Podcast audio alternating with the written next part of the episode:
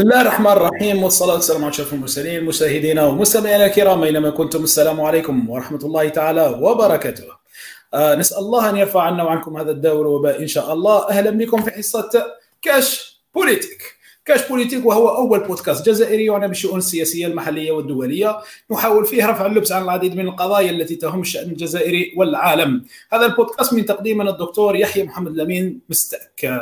يمكنكم الآن الاستماع للبودكاست عبر تطبيق سبوتيفاي وأنكور وذلك عندما ربما تكون سيدي أو سيدتي في الرياضة أو في الطهي أو في السياقه حسب في la circulation.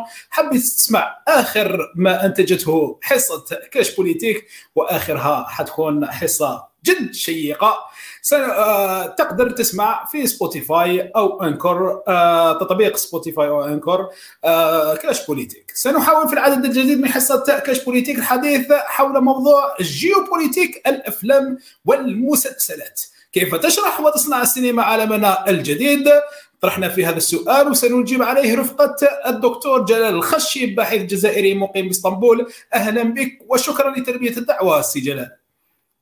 السلام عليكم أمسية طيبة أخي وصديقي لمين ولكل المشاهدين الكرام. شكرا جزيلا على الدعوة مرة أخرى.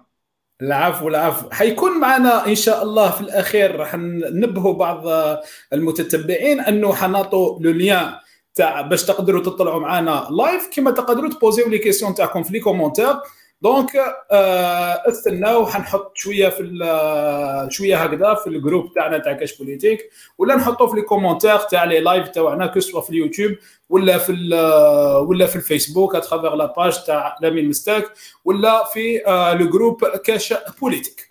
آه كما قلنا السي جلال اليوم حندرسوا ولا حنشوفوا مع السيد جلال. قبل ما نشوفوا آه حول آه قصة آه أو ما علاقة المسلسلات والأفلام بالجيوبوليتيك خلينا نعطوا نبذه حول البحث. السيد جلال الدكتور جلال يعمل حاليا كباحث مشارك أول بمركز دراسات الإسلام والشؤون العالمية سيكا CIGA. التابع لجامعة إسطنبول صلاح الدين زعيم بتركيا. له العديد من الكتب والدراسات والترجمات الأكاديمية والمقالات خاصة يعني المقالات بوصلة الجيوبوليتيكية التي يمتعنا بها دائما أسبوعيا باللغتين العربية والإنجليزية.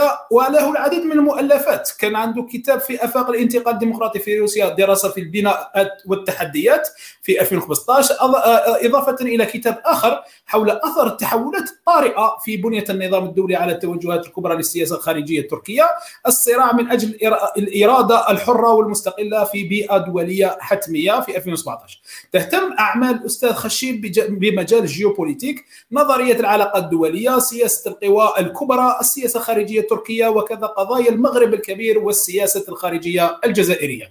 مشاهدينا الكرام لإثراء النقاش كالعادة عبر آه، تواصلوا معنا عبر طرح أسئلتكم من خلال التعليقات سواء في الفيسبوك أو في قناتي على اليوتيوب.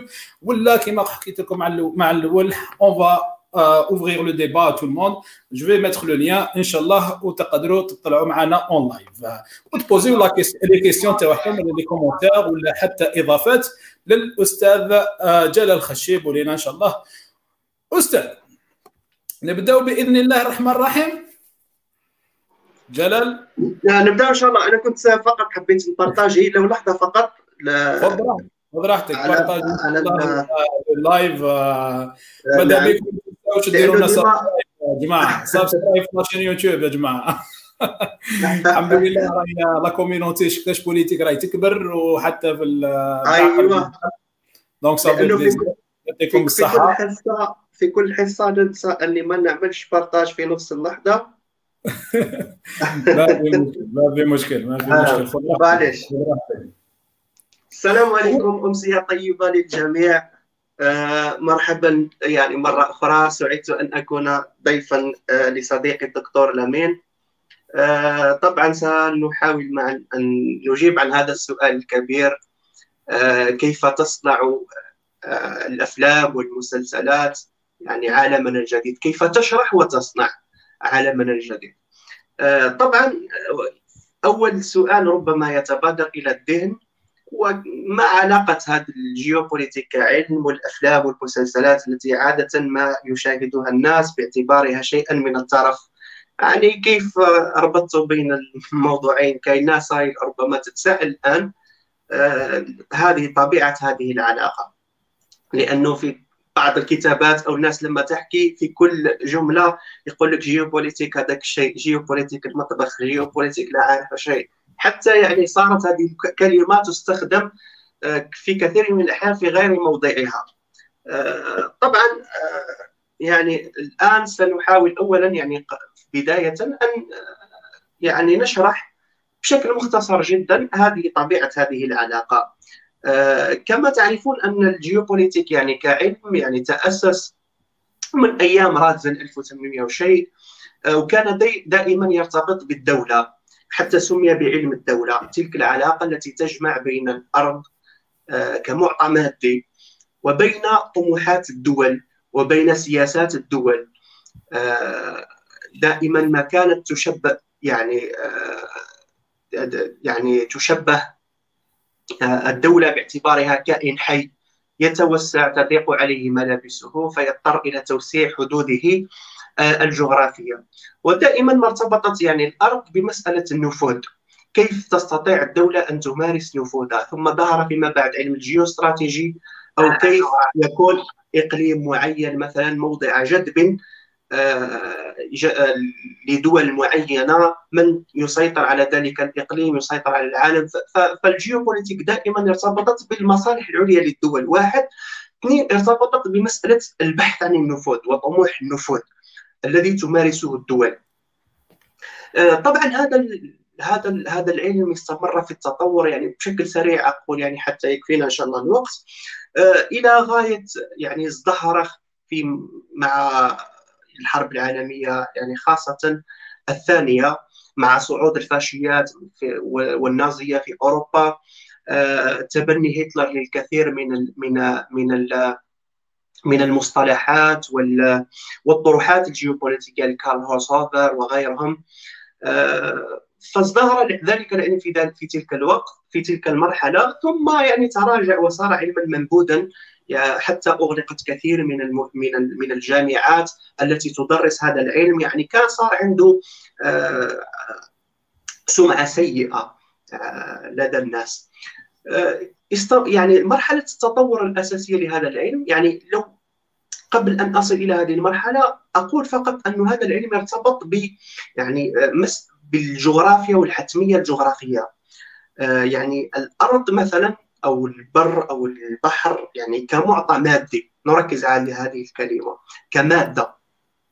يعني هذا هو المحور الأساسي الذي ارتبط به هذا العلم. آه لكن أنتم تعرفون في مرحلة الخمسينيات ثم الستينيات حدثت يعني ثورة إبستيمولوجية آه، على المستوى يعني المعرفي. آه، ظهور ظهور المنظور مثلا فكرة المنظور مع توماس كون. أيضا آه، آه، ده يعني آه، كانت هناك الكثير من الحركات التي تناوئ ال mainstream الوضع يعني ال paradigm المهيمن المنظور المهيمن الحداثي أو الوضعي الذي ارتكز دائما على المعطيات المادية على المادة كمحور وكمركز. هذه مرحلة الحداثه كلها يعني. مع هذه التيارات هذه النقدية وبعد الحداثية التي تراجع يعني السلبيات التي آه، قدم التي آه، نتجت عن حالة الحداثة والاعتماد على العلم كمركزية والعقل المحض وهذه الأشياء. آه، طبعا بدأت حركة نقدية داخل هذا المنظور المهيمن يعني في الفلسفة وفي العلوم الاجتماعية عموما. ثم وظهرت أيضا حركات مناوئة للحداثة. أو سميت ما بعد الحداثة أيضا والتي حاولت أن تتحرر من هذه المركزية آه، مركزية العلم لأنه لأنه مثلا في الحداثة وفي سواء في في في في كل المواضيع التي مواضيع العلوم الاجتماعية آه التي أثرت فيها منها الجيوبوليتيك. مثلا كان العلم شيء أساسي كما نحكي على العلم نحكي على التجربه وعلى مسألة الحتمية ومبادئ العقل الخمس الأرسطية وهذه الأشياء. يعني حدثت ثورة وثارت على هذا الأمر آه، كانت آه، القنبلة الذرية مثلا في ال 45 تعتبر ذروة الحداثة انظروا ماذا فعل الإنسان بهذا العلم وبهذه المركزية. يعني صار يخرب حتى نفسه يعني حتى يقضي على البشرية. آه، في تلك المرحلة مع هذه الثورة الإبستيمولوجية كان أيضا هناك ثورة على المستوى الدولي أو ثورة حول الوسائل آه، ثورة معلومات في السبعينيات ثم في الثمانينيات مع ظهور يعني البوادر يعني الأولى للعولمة وثوره المعلومات وهذه الأشياء والتكنولوجيا. كل هذه هذه العوامل كان لها تأثير على العلوم الاجتماعي عموما على حقل العلاقات الدولية وعلى الجيوبوليتيك أيضا. نال حظه من هذه من هذه التأثيرات؟ آه، هنا مثلا آه، ظهر ظهرت تيارات نقدية داخل هذا العلم. لا نركز على على على على المعطى الجغرافي أو الحتمية الجغرافية لأن الحتمية الجغرافية هنا تعني أن الجغرافيا تفرض نفسها على الإنسان الذي من المفروض هو الذي يتحكم في هذه الجغرافيا. قال لك لا هذه الحتمية الألم... التي تميزت بها المدرسة الألمانية يعني آه تم كسرها مع هذه مع مع تأثير هذه التيارات. وأعيد النظر في كثير من الأشياء حتى مفهوم الجغرافيا في حد ذاته. في مفهوم الجغرافيا صار يعني أو المجال space صرنا لا نتحدث هنا عن الجغرافيا كمعطى أو space كمعطى مادي. آه، يمكن مثلا هذا space يكون cyber space مثلا أو شيء افتراضي. يعني المفاهيم الأساسية التي ارتكزت عليها الجيوبوليتيك المادة أساسا وكمعطى مسبق وكحتمية يعني هذه الأشياء أعيد النظر فيها. قال لك لا أرواح نرجع نشوفوا الانسان مثلا كيف يستطيع أن أن يكون يعني سيد نفسه لا أن تتحكم في هذه الجغرافيا. ظهرت كثير من المدارس النقدية وظهر هذا العلم ما يسمى ب نعم. برك برك une question par rapport à ça في الحقيقة. آه عن هدرنا 12 دقيقة. لحد الآن؟ والله. آه نسيت على نفسي ومازال ما دخلناش في الموضوع على بالي موضوع راه طويل آه فهمنا فهمنا grosso modo باللي باللي الجيوبوليتيك من الناحيه من الناحيه القديمة أنها كانت متعلقة بالجغرافيا. والآن ربما راهي متعلقة بمجالات أخرى كمجالات السيبريانية وحتى المجالات اللي قلت السينمائية. ما يعني النقطة النقطة الأساسية هنا أخويا لمين أنه أنه الجغرافيا هذه النقدية أو الجيوبوليتيك ال critical geopolitics صارت لا ترى العالم باعتباره نتيجة أو نتاجا للطبيعة وحتمية الطبيعة. هذا وإنما نتاج لصراع السلطة سلطات متنافسة لتنظيم هذا العالم أو إدارته أو احتلاله. يعني الإنسان صار هو المركز في هذا في هذا العلم. أو النفوذ الذي يمارسه الإنسان. وأدوات ممارسة النفوذ الآن صارت آه، تتابع من طرف هذا العلم. يعني إذا مارس الإنسان مثلا نفوذه في الفضاء فنصير نتحدث عن جيوبوليتيك الفضاء مثلا.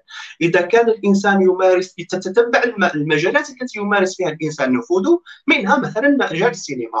الآن مجال السينما كيف حتى انتقلنا إلى السينما أو إلى الأفلام من المسلسلات إلى ما تنتجه هوليود إلى هذه الاشياء يعني الفضل هنا يعود مثلا اهم باحث باحث فرنسي دومينيك مواسي. دومينيك مواسي لو تعرض لنا فقط الكتاب يا أستاذ.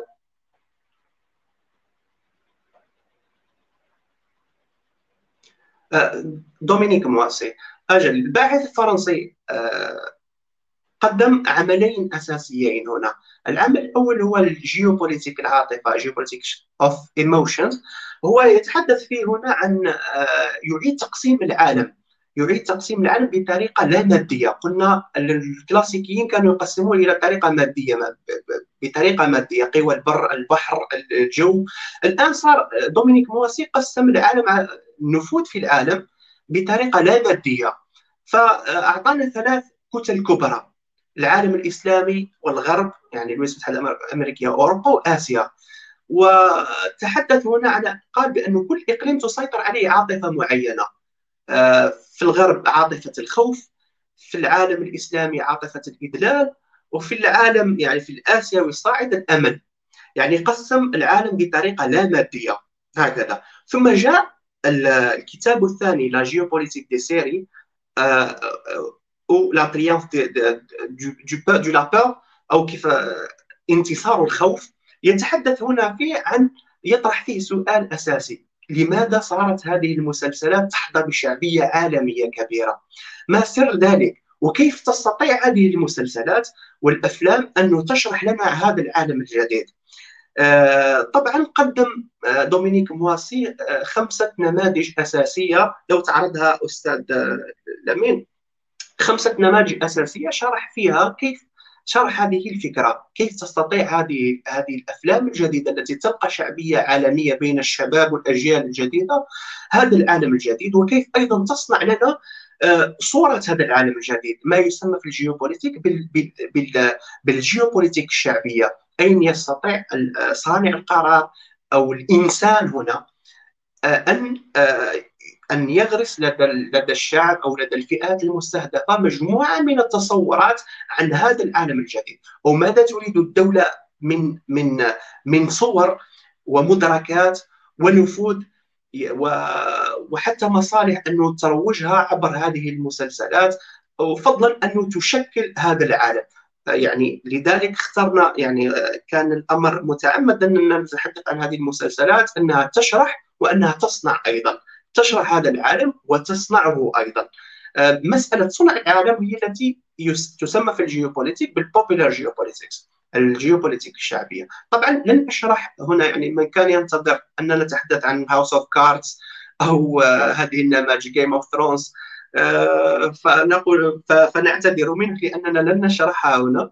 آه، نحيلهم فقط إلى تلك الورقة. لو تعرضها دكتور. ورقة أجل قبل عامين يعني كتبتها هذه أشرح فيها هذه الفكرة بشكل يعني بشكل أكثر تفصيلا يمكن الرجوع إليها حتى يعني نفهم كيف تحدث دومينيك مواسي عن هذه الأفلام الخمس الآن يعني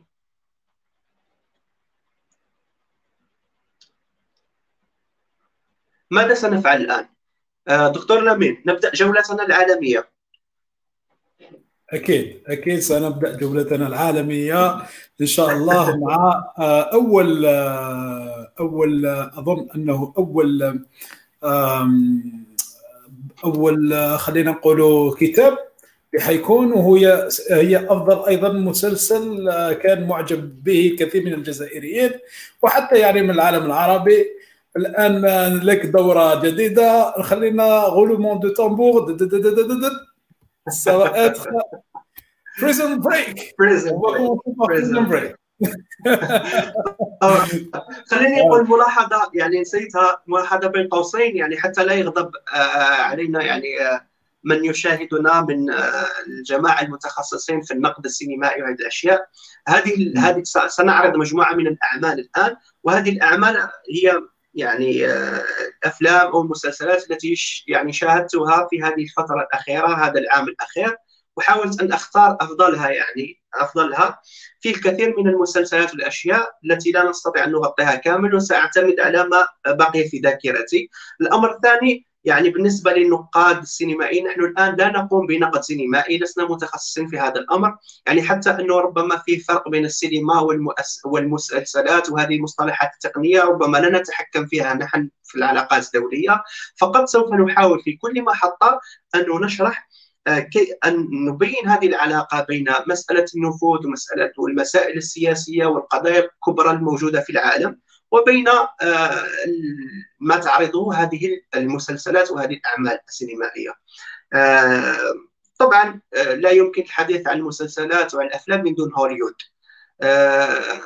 من من أحسن من تحدث في هذا الموضوع نشير إليه مرة أخرى ريفريش وجوزيف ناي حينما تحدث عن موضوع القوة الناعمة وكيف أنه هوليوود يقول على لسان روبير فيدرين وزير الخارجيه الفرنسي الأسبق يقول بأنه لماذا الأمريكيون أقوياء؟ آه، يطرح هذا السؤال ثم يجيب لانهم يستطيعون إلهام العالم أو إلهام الآخرين ورغباتهم بفضل إتقانهم للصوره العالمية عن طريق الأفلام والتلفزيون. يعني يوضح كيف آه، أهمية هذه المسلسلات في صنع أمريكا يعني الحالية هذه بقوتها. آه، وأيضا أخذت اقتباس آخر من ورد في نفس الكتاب كتاب Soft Power لجوزيف ناي للشاعر كارل آه ساندبيرغ سنة 61 يطرح سؤال هل هوليود أم هارفارد؟ أهم هل هوليود أهم من هارفارد؟ ثم يجيب يقول انه أن هوليود ليست لها نظافة هارفارد ولكنها مع ذلك أقدر من هارفارد إلى الوصول إلى أمد أبعد. وهو الآن يشير إلى يعني أهمية هذه السينما وكيف تصنع تأثيرا قويا للدول. آه، البداية مع الهروب للسجن وقد Prison آه، Break آه، عرض موسمه الخامس العام الماضي. يعني من أكثر السلسلات تبقى أسطورة تاريخية هذا هذا هذا ال série هذا بالنسبة لي. تعرفون قصة هذا هذا المسلسل. ما سأقوم به الآن هو بعض الإسقاطات وبعض الإشارات كيف ماذا يخبرنا به هذا الفيلم آه، سواء على المستوى يعني آه، ما يحدث داخل الولايات المتحدة الأمريكية أو العالم. آه، تلاحظون في هذه الصورة أني جمعت بين بين شيئين كتاب وال poster تبع Prison Break الكتاب هو يعود لرايت ميلز رايت ميلز واحد من الباحثين الأمريكيين في الستينات والخمسينات كتب هذا الكتاب قوة النخبة The Power of Elite. يتحدث فيه عن فكرة أساسية آه، يشرح بها كيف يصنع القرار داخل الولايات المتحدة الأمريكية. كيف يصنع القرار؟ ويتحدث هنا عن ما يسميه بالمجمع العسكري الصناعي.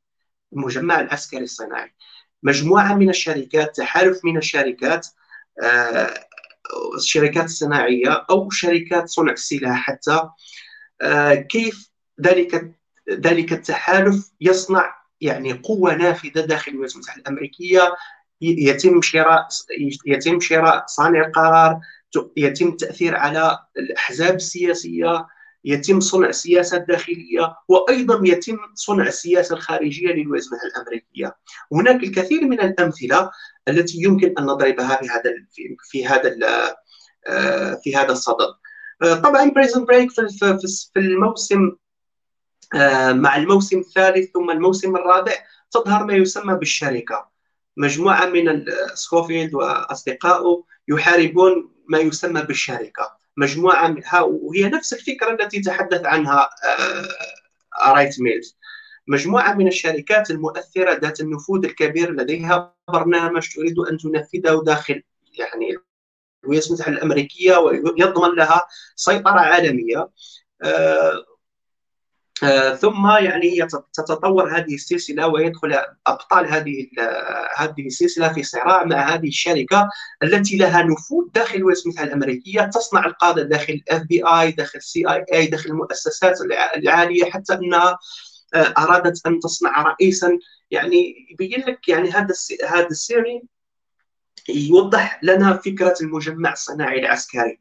آه، طبعا هذه النظرية أعيد على الرغم من أنها يعني تبدو قديمة في الستينات السبعينات لكن آه، لديها قوة تفسيرية كبيرة وعادت للواجهة من جديد مع حرب العراق مثلا.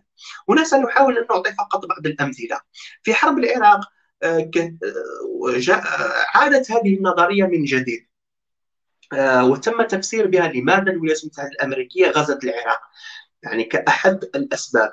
بعضهم يستخدم هذه النظرية كيف مجموعة من شركات يتحدثون مثلا عن شركة هالي بيرتون التي كان يمتلكها أو يمتلكها ديك تشيني ديك تشيني كان نائب رئيس آه، جورج بوش وجماعة المحافظين الجدد.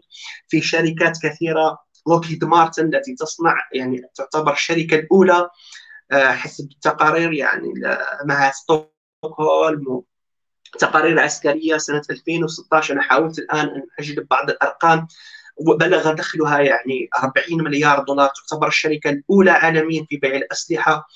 آه، آه، طبعا يقول هذه النظرية قالت بأن أصحاب الذين استخدموا هذه النظرية في تفسير حرب العراق بأنه مجموعة من من رجال الأعمال مجموعة من المركب الصناعي هذا العسكري والنافذين منهم ديك تشيني منهم رامسفيلد منهم يعني عندهم علاقة بشركاتهم.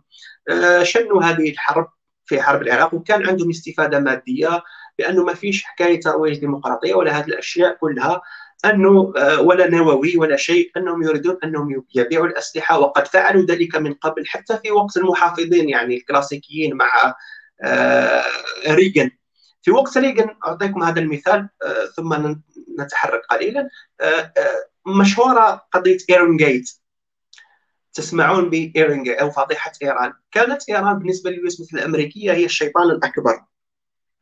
يعني في العلن هي يعني البات نوار تاع الولايات المتحده الأمريكية. وكانت الحرب بين العراق وإيران يعني التنافس كان شديد. الحرب حرب ثماني سنوات.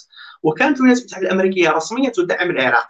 لكن آه، آه، بدا يعني بهذه فضيحة آه، الأسلحة أو إيران gate اتضح بأن الولايات المتحدة الأمريكية كانت تبيع سلاح للعراقيين وتبيع سلاح في نفس اللحظة للإيرانيين للإيرانيين. يعني انتعشت في تلك اللحظة مسألة كتاب هذا رايت ميلز أو المجمع الصناعي العسكري يقول لك كيف انه هذه الدول تصنع الحروب حتى تروج الأسلحة حتى تبيع ويمكن أن نعطيكم كثير كثير من الأمثلة عبر العالم الآن. كيف تصنع هذه الشركات الأزمات بين الدول وتبيع أسلحتها. Prison Break في هذا الجزء يعطينا هذه المثال. في فكرتين في Prison Break قبل أن ننتقل أيضا. فكرة يعني أنا لاحظتها يعني ملاحظة شخصية آه، تغير التحالفات بين بين المساجين سكوفيلد تي باغ والجماعة كلهم. آه، يعني ابروتزي وهاي كل الجماعة. كيف كانت التحالفات تتغير في كل لحظة؟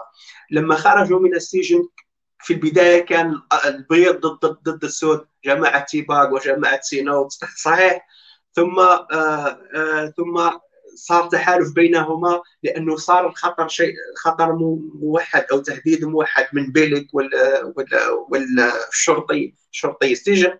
ثم لما خرجوا صارت الـ FBI من أو الـ CIA هون من هنا وهذه جماعة مساجين ثم في season 3 مع في سونا صار يعني كلهم متحالفين مع بعضهم ضد الشركة. ثم صار في الثالث يعني توضح لك فكرة التحالفات التي التي يعني التي نجدها في العلاقات الدولية حتى يعني بين الدول في نظام فوضوي مثلا تنعدم فيه الثقة. يعني ما فيش 911 ما فيش يعني لا يمكن لهؤلاء الأطراف أن تعتمد أو تثق في الحكومة في أو في أي جهة. لذلك كانت التحالفات تتغير في كل لحظة من حتى يضمن كل واحد منهم مصالحه الخاصه والبقاء. هذه الفكرة توحي لنا كيف يعني العالم يعني أو العلاقات الدولية كيف يعني آه، المنظور السائد أو الواقعي كيف يشرح لنا آه، آه، هذه التغيرات يعني أو هذه الفكرة بالضبط. في الموسم الأخير هنا أنا تعمدت وضع هذه الصورة ويظهر فيها مسجد في اليمن. صور هذا هذا الفيلم في المغرب طبعا على أساس أنه سكوف مايكل سكوفيلد يتم إرساله ابتزازه كذا في حكاية إلى اليمن. الفكرة الأساسية في هذا في هذه في في هذا الـ season 5 هي مسألة آه، آه، يوحي لنا بفكرتين. مسألة حروب الوكالة. قصتها يعني باختصار أنه فيه عميل منشق بوسايدن هذا داخل الـ CIA أنه كيف هذا العميل يرى بانه الـ superiors ولا في State Department في وزارة الخارجية لديهم foreign policy يعني سيئة جدا تجاه الشرق الأوسط ويرى بانه من المفروض أن الولايات المتحده الأمريكية أنها تقوم بأشياء كثيرة أو شيء مختلف حتى تتصدى للنفوذ الروسي والنفوذ الإيراني. هذه هي الفكرة الأساسية هنا. لأنه سكوفيلد في عنده مهارات كثيرة وهرب من كذا سجن يعني تم تكليفه أو ابتزازه حتى يأخذ حريته وحرية عائلته وإرساله إلى إلى إلى إلى الشرق الأوسط وتم تغيير هويته كان الاوتيس آه، وصار هذا المهمة الأساسية آه، مهم التي وكلت له من طرف هذا العميل المشق أنه يحرك قائمة من السجناء والعملاء والمشقين. منهم آه، قائد تنظيم داعش في اليمن الذي كان مسجونا معه في سجن باليمن. يعني هذه الفكرة أنه كيف يحرره لماذا؟ لأنه يرى هذا العميل بوسايدن أنه بتحرير داعش وعودة داعش إلى الشرق الأوسط سيتمكن من صد النفوذ الإيراني لأنه داعش من جماعة من بين قوسين السنة والجماعة والإيرانيين الشيعة آه، فكان يعني يستخدمهم ضد آه، ضد الإيرانيين أو ضد النفوذ الروسي. ما يسمى في العلاقات الدولية بحروب الوكالة. يعني تشرح لنا season 5 فكرة مسألة حروب الوكالة وكيف أنه داخل State Department فيه superiors الذين يستخدمون هذه الطريقة أو يريدون إدارة أو أداروا بالفعل يعني. السنوات الأخيرة أداروا بالفعل الشرق الأوسط بطريقة حروب الوكالة بهذه الطريقة. يعني لما نشاهد هذا الفيلم يعني لا نشاهده فقط للمتعة ولكن في إشارات يعني قوية وواضحة جدا ربما يختصر عليك الكثير من الكتب. أكتفي بذلك وننتقل إلى نتجه نتجه نتجه جنوبا. جنوبا إن شاء الله. خلينا نشوف قبل قبل حبيت نوري لهم برك التيزر تاع سيزون 5 if we can do it. اصبر الله يكفينا الوقت لأمين لأنه في كثير من الأشياء. هو يكفينا على أساس باش يشوفوا التيزر تاع في دقيقة يعني خاص باش تشرب شوية ما خاطرش مصباح تتحدث.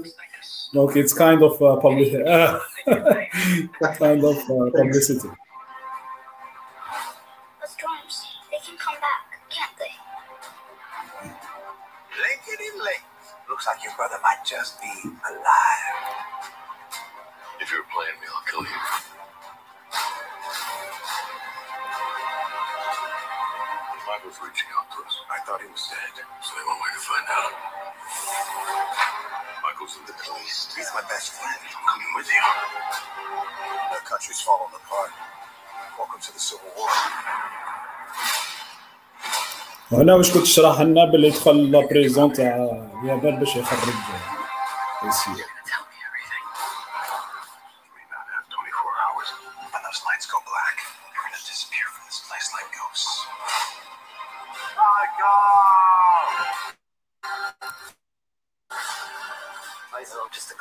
We're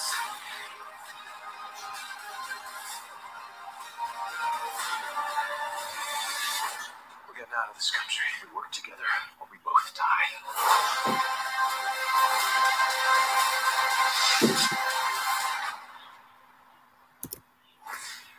Oh, prison break. نتمنى ان يكون سيزون سيزون 6 ما يتشبعش خويا لامين ان شاء الله ان شاء الله ان شاء الله خلينا نشوفوا second second okay it's not that. It's here. Uh, it's not here. نعتذر عن الخلل التقني. نحل بزاف les pages على بالي تلفت لي.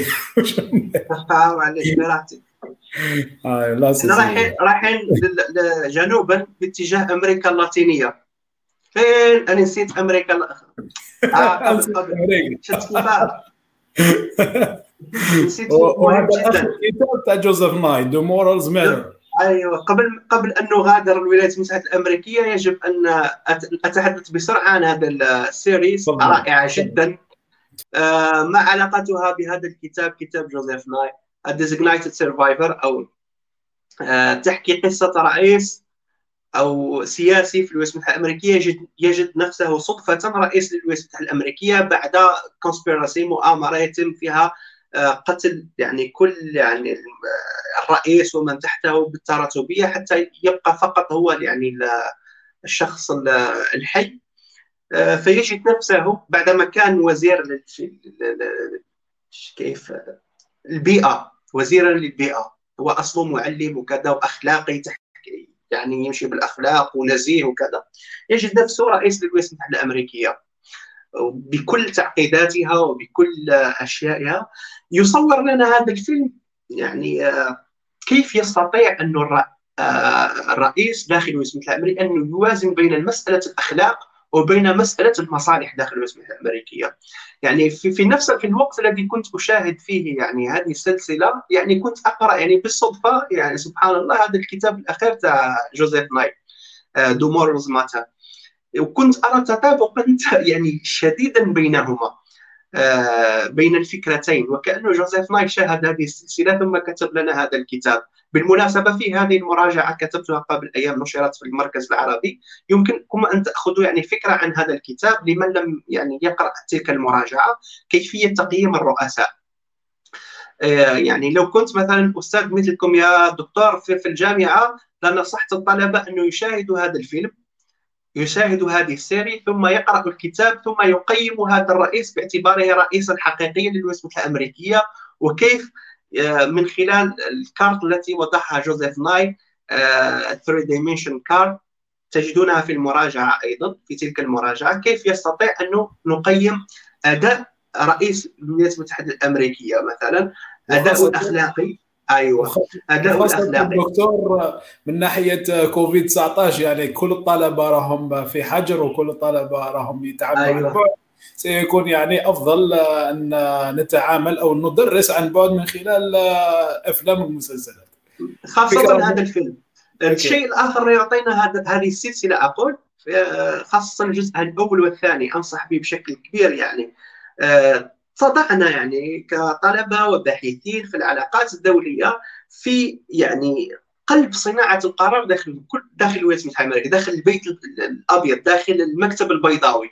يعني نكون نرافق فيه الرئيس هنا وال team آه ال team آه تاع الرئيس نرافقه في كل يعني عملية صناعة القرار كيف يتم صناعة القرار. يعني كلنا نحلم أنه نزور البيت الأبيض والبيت البيضاوي وكي المكتب البيضاوي اين أين يتخذ تتخذ يعني أهم القرارات عبر العالم. هذه السلسلة تضعنا داخل البيت الأبيض. ونرى كيف يوازن الرئيس هنا بين الأخلاق وبين مصالح الولايات الأمريكية. وفي كل حلقة هنا آه، تطرح لنا مسألة معينة سواء مسألة أو أزمة يواجهها هذا الرئيس الأخلاقي داخل الولايات المتحدة الأمريكية. مسألة الديمقراطية حرية الصحافة أو حتى الانقلابات هذه داخل الكونغرس وهذه الأشياء أو على المستوى الدولي آه، سنكون مثلا آه، بصدد مشاهدة كيف تعالج الولايات المتحدة الأمريكية مثلا علاقتها مع مع مع روسيا مع تركيا مع إيران وحتى أحفز يعني أكثر للمشاهدين لمشاهدة هذه السلسلة. أول حلقة ستكون عن الجزائر. أول حلقة في هذا السلسلة عن الجزائر. أزمة يواجهها الرئيس في الجزائر يعني أول أزماته حينما آه، حينما يتولى الرئاسة. أزمة إرهاب أو جماعات إرهابية حتى يصل أن الرئيس أنه يضرب هذه الجماعات الإرهابية وتستخدم الولايات الأمريكية قواتها ضد الجزائر أو ضد يعني أترككم يعني تشاهدونها أحسن. آه ننتقل الآن جنوبا. إيه ما زلنا ما انتقلنا جنوبا. شفت كيف طيب حابب تطلع طيب حابب تروح جنوب منو يا مزال قاعد عندك جرين زون which is a really important movie اسمع اسمع اسمع نفتح نفتح قدامي أنا أنا أيضا لاني مانيش فاتح. وزدت ربطته مع أفضل الكتب يعني أفضل أفضل authors also. Which is uh, إذا من الآن نقول لك لامين آه، فيها فيها جزء ثاني لهذه الحصة مستحيل. ان نكمل إن شاء الله إن شاء الله. ما في مشكل. وين حبسنا حبسنا ونقدروا نعاودوا نديروا حصة أخرى يا يا أنا نشوف نشوف في روحي قاعد نزارف في, في الشرح وأني ما في مشكله ممتاز. ممتاز كثير من الأفكار يعني التي يعني ننظمها في ذهني. The Great Delusion. Great Delusion. أو الوهم الأعظم هنا وعلاقته بهذا بهذه السلسلة جرين زون هذه السلسلة تشرح لنا يعني آه، فكرة أساسية لدى جون ميرشايمر أو لدى الواقعيين في نقدهم للتيار السائد داخل الولايات المتحدة الأمريكية أو الليبراليين أو الهيمنة الليبرالية التي يعني حكمت الولايات المتحدة الأمريكية طيلة يعني مدة طويلة جدا و آه، حتى خاصة أثناء يعني حرب العراق. يصور هذا الفيلم آه، مرحلة حكم بريمر. آه، بريمر الحاكم الأمريكي الذي وضع في العراق بعد إسقاط بعد إسقاط نظام صدام حسين. تشرح فكرة أساسية في نقد الواقعيين هنا للليبراليين والسياسة الخارجية الأمريكية في الشرق الأوسط. مسألة الهندسة الاجتماعية أو ترويج الديمقراطية أيضا. أو ترويج الديمقراطية. كيف كيف إنه بريمر هذا في الفيلم في ال Green Zone في هذا الفيلم إنه يحاول إنه يجمع الكثير من القادة آه، داخل العراق من طوائف مختلفة وكيف يظن بإنه بإمكانه ان يجمعهم ضمن طاولة واحدة آه، حتى يكونوا حكومة عراقية.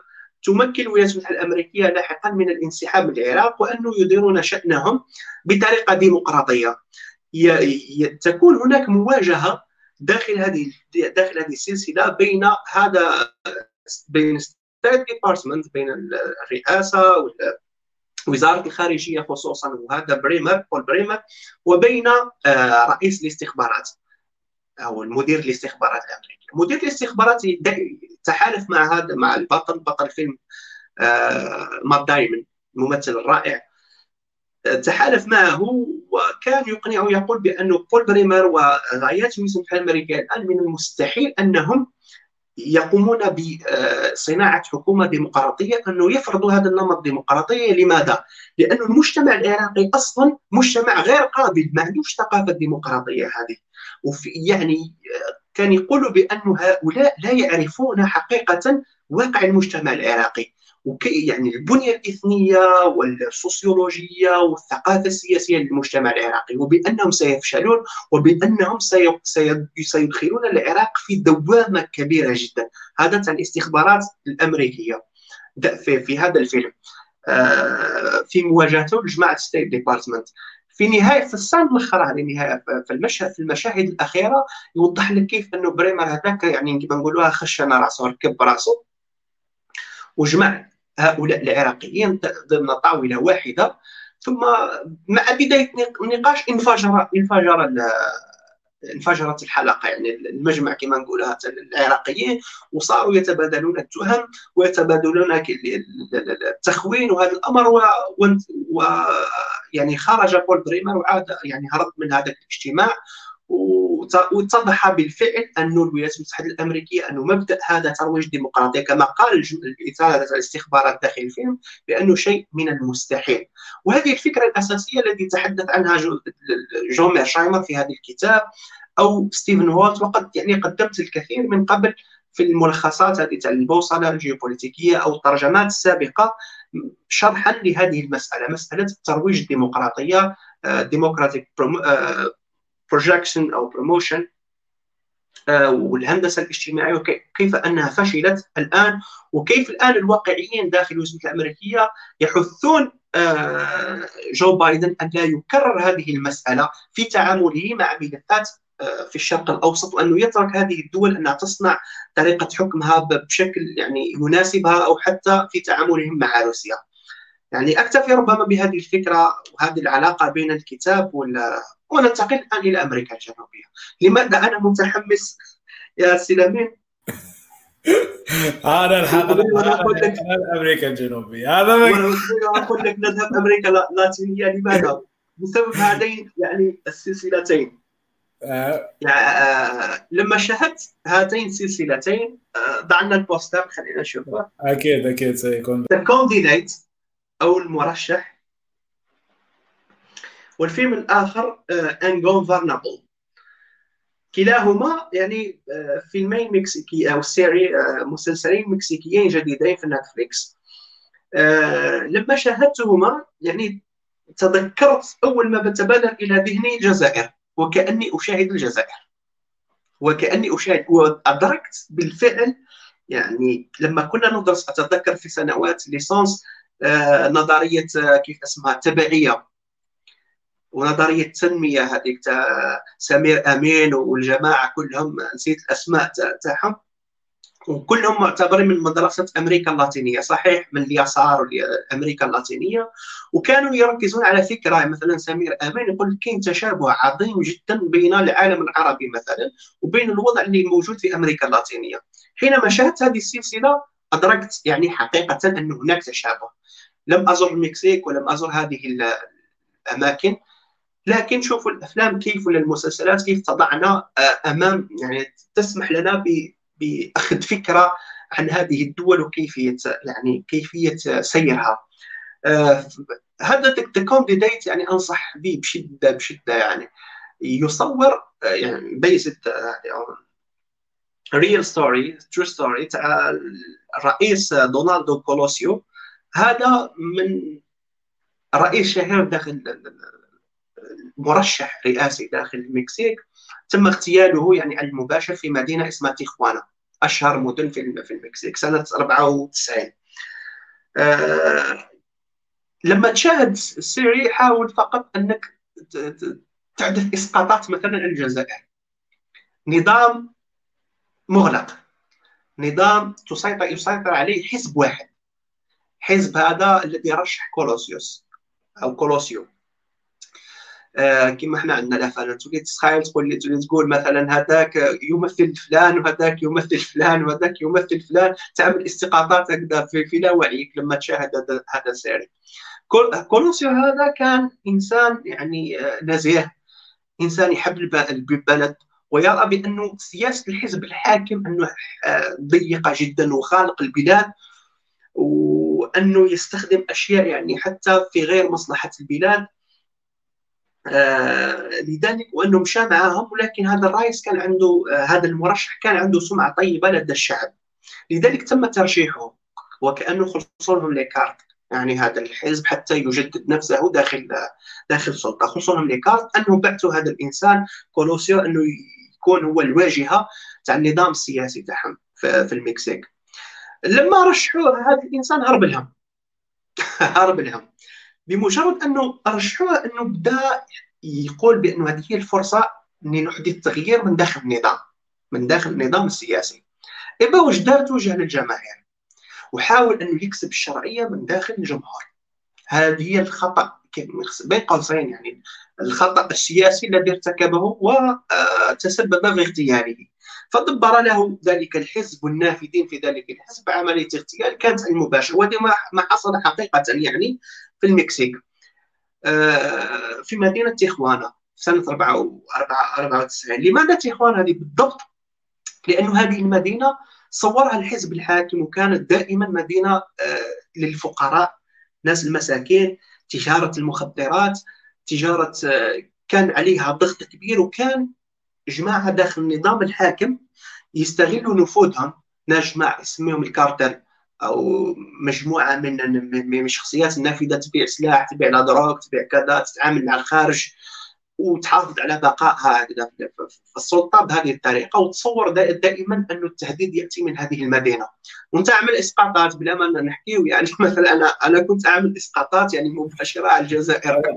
خاصة في فتره خاصة في فتره هذه هذه خاصة بي يا سيدي. السي جلال بلا ما تقول لك شغل فهمت كي قلت لي التسعينات وقتل ورئيس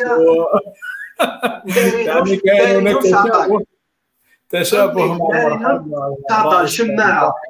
آه. شماعة. هذه مدينة إخوان. آه، شماعة. لكن هذا كولوسي قلت لك هرب لهم. كما صار في كثير من الأنظمة.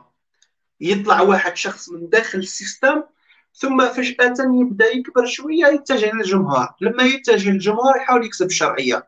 لما يكسب الشرعية يقول لك أنا يدعمني شكون؟ الجمهور. التغيير ما يكونش من داخل واحد ما نقدر ندير حتى شيء إذا ما كانش معايا الشعب. هذا داخل ال système. هكذا يفكر. انت عمل إسقاطات. تم اغتياله في في 94 ويحكي هذا ال série يحكي كيف محققين. آه، القصة تاعو كيف محققين يبداو يعملوا تحقيقات ويصلوا بأنه تحقيقاتهم هذه إلى أنه في شخصيات نافذة كانت وراء هذا الاغتيال آه، ويتم اغتيال هذا المحقق الذي كان يحقق في هذه المسألة. آه، ثم ثم يصور لك الفيلم في النهاية يعني آه، يعطيك real صور حقيقية للشخصيات هذه تاع الفيلم في آخر السلسلة. الشخصيات الحقيقية يعني كولوسيو وكيف تم اغتياله على المباشر تلقاوها على اليوتيوب. آه، كيفية والشخصيات كلها ويقول لك بانه هؤلاء لما مشى التحقيق دخلوا للحبس قعدوا حوالي 10 سنوات ثم رجعوا حكموا السلطة في المكسيك. يعني واحكي وش تحب. الفيلم الثاني هو هذا الانجوفرنبل آه، أو السلسله هذه. بشكل مشابه أيضا تركز على مدينة اخوانا هذه. زوجة رئيس هذه البطلة زوجة رئيس آه، حقوقية جاية من مدينة هذه من مدينة اخوانا من من الطبقات الفقيرة. تطلع أنها تحب تدافع عن حقوق الإنسان وتشوف بأن هؤلاء يتجهون إلى تجارة المخدرات ويتم ويتم احداث أشياء كثيرة لأنه في أسباب أخرى تدفعهم إلى ذلك. وأن الدولة نظام الجنرالات يصور نظام جنرالات يحكمون السلطة في المكسيك وأنهم يستخدمون هذه المدينة لاجل أغراضهم وكذا وكذا.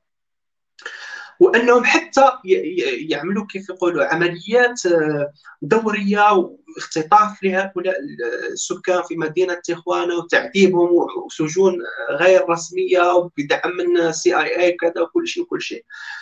آه، يتم اغتيال ذلك الرئيس ثم تصير هذه بطلة الفيلم هذه يعني هاربة ويتم في كل مرة يعني تتحالف مع شخصيات داخل مدينة تيخوانا تريد أن تثبت بأنها آه، بأن بأن نظام هذه الجنرالات ونظام الدولة في المكسيك آه، يريد أن يصورها بأنها هي التي اغتالت الرئيس وفيها مؤامرة كذا تحاول أنها تكشفها. هذه الفكرة فكرة فكرة هذه ال série. يعني لما تشاهد هذه المسلسلين تأخذ فكرة على طريقة هذه الأنظمة داخل المكسيك. وكيف يعني شيء ملاحظة بين قوسين كيف وصلت إنه الآن المكسيك إنها تحكي على الماضي تاعها. رايحين نحكيو على هذه المسألة لما نوصلوا للجزائر في نهاية الحلقة.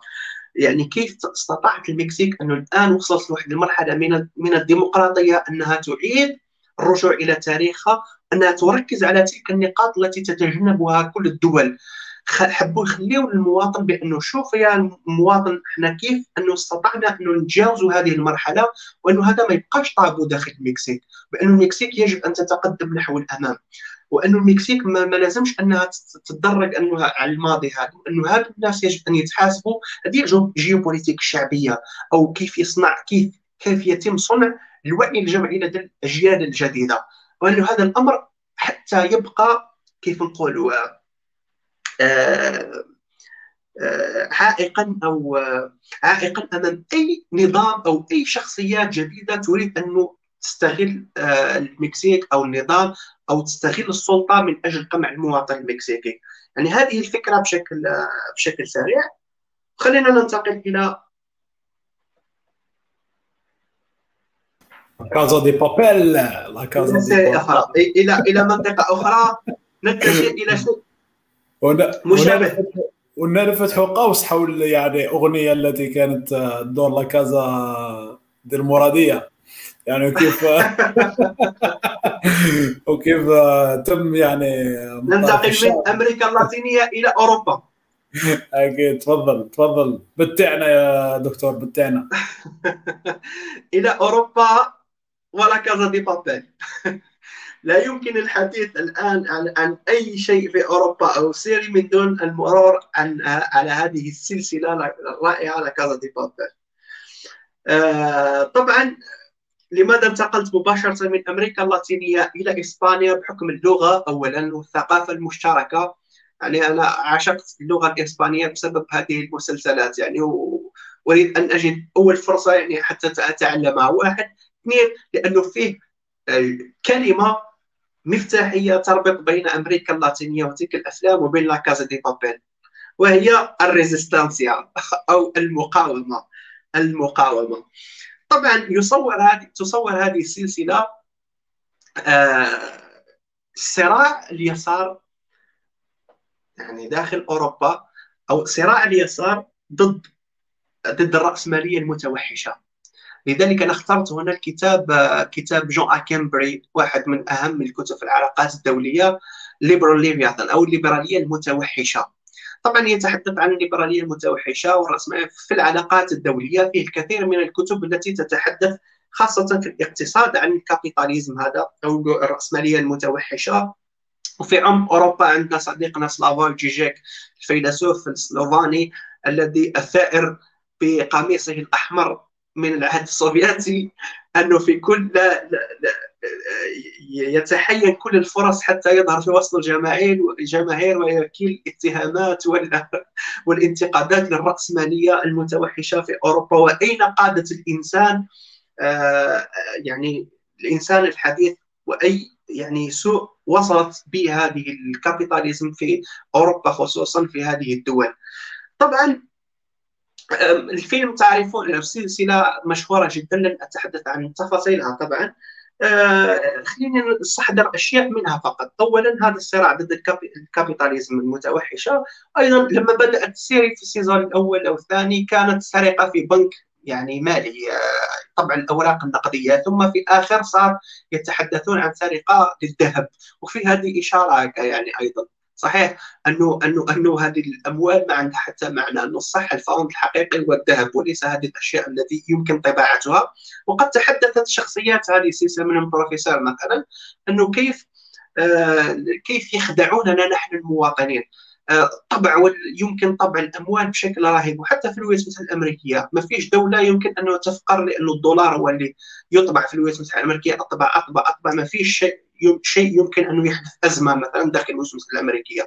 يقول شوفوا أنتم كيف الحكومة مثلا أنها في في يدها أنها تطبع الأموال وأنها آه أنها تهيمن على ال على ال على الثروة وأن الشعب يبقى فقير.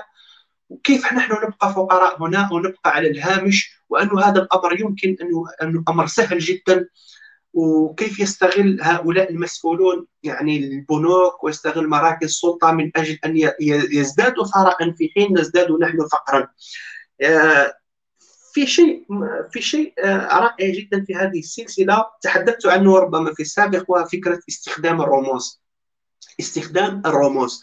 وكيف استطاعت هذه السلسلة إحياء إحياء شخصية آه، آه، سلفادور دالي. هذا الفنان الإسباني أو الرسام الإسباني أيضا الذي عاش في مرحلة أثناء كان مقاوم للفاشية والنازية في مرحلة معينة من التاريخ وكانت les tableaux هذه الرسومات تاعو كانت تعبر عن عن سخطه ومقاومته للفاشية وكان يعني هذه الكلمة الأساسية résistance المقاومة لكل هذه هذه التيارات التي تريد أن تهيمن على الإنسان.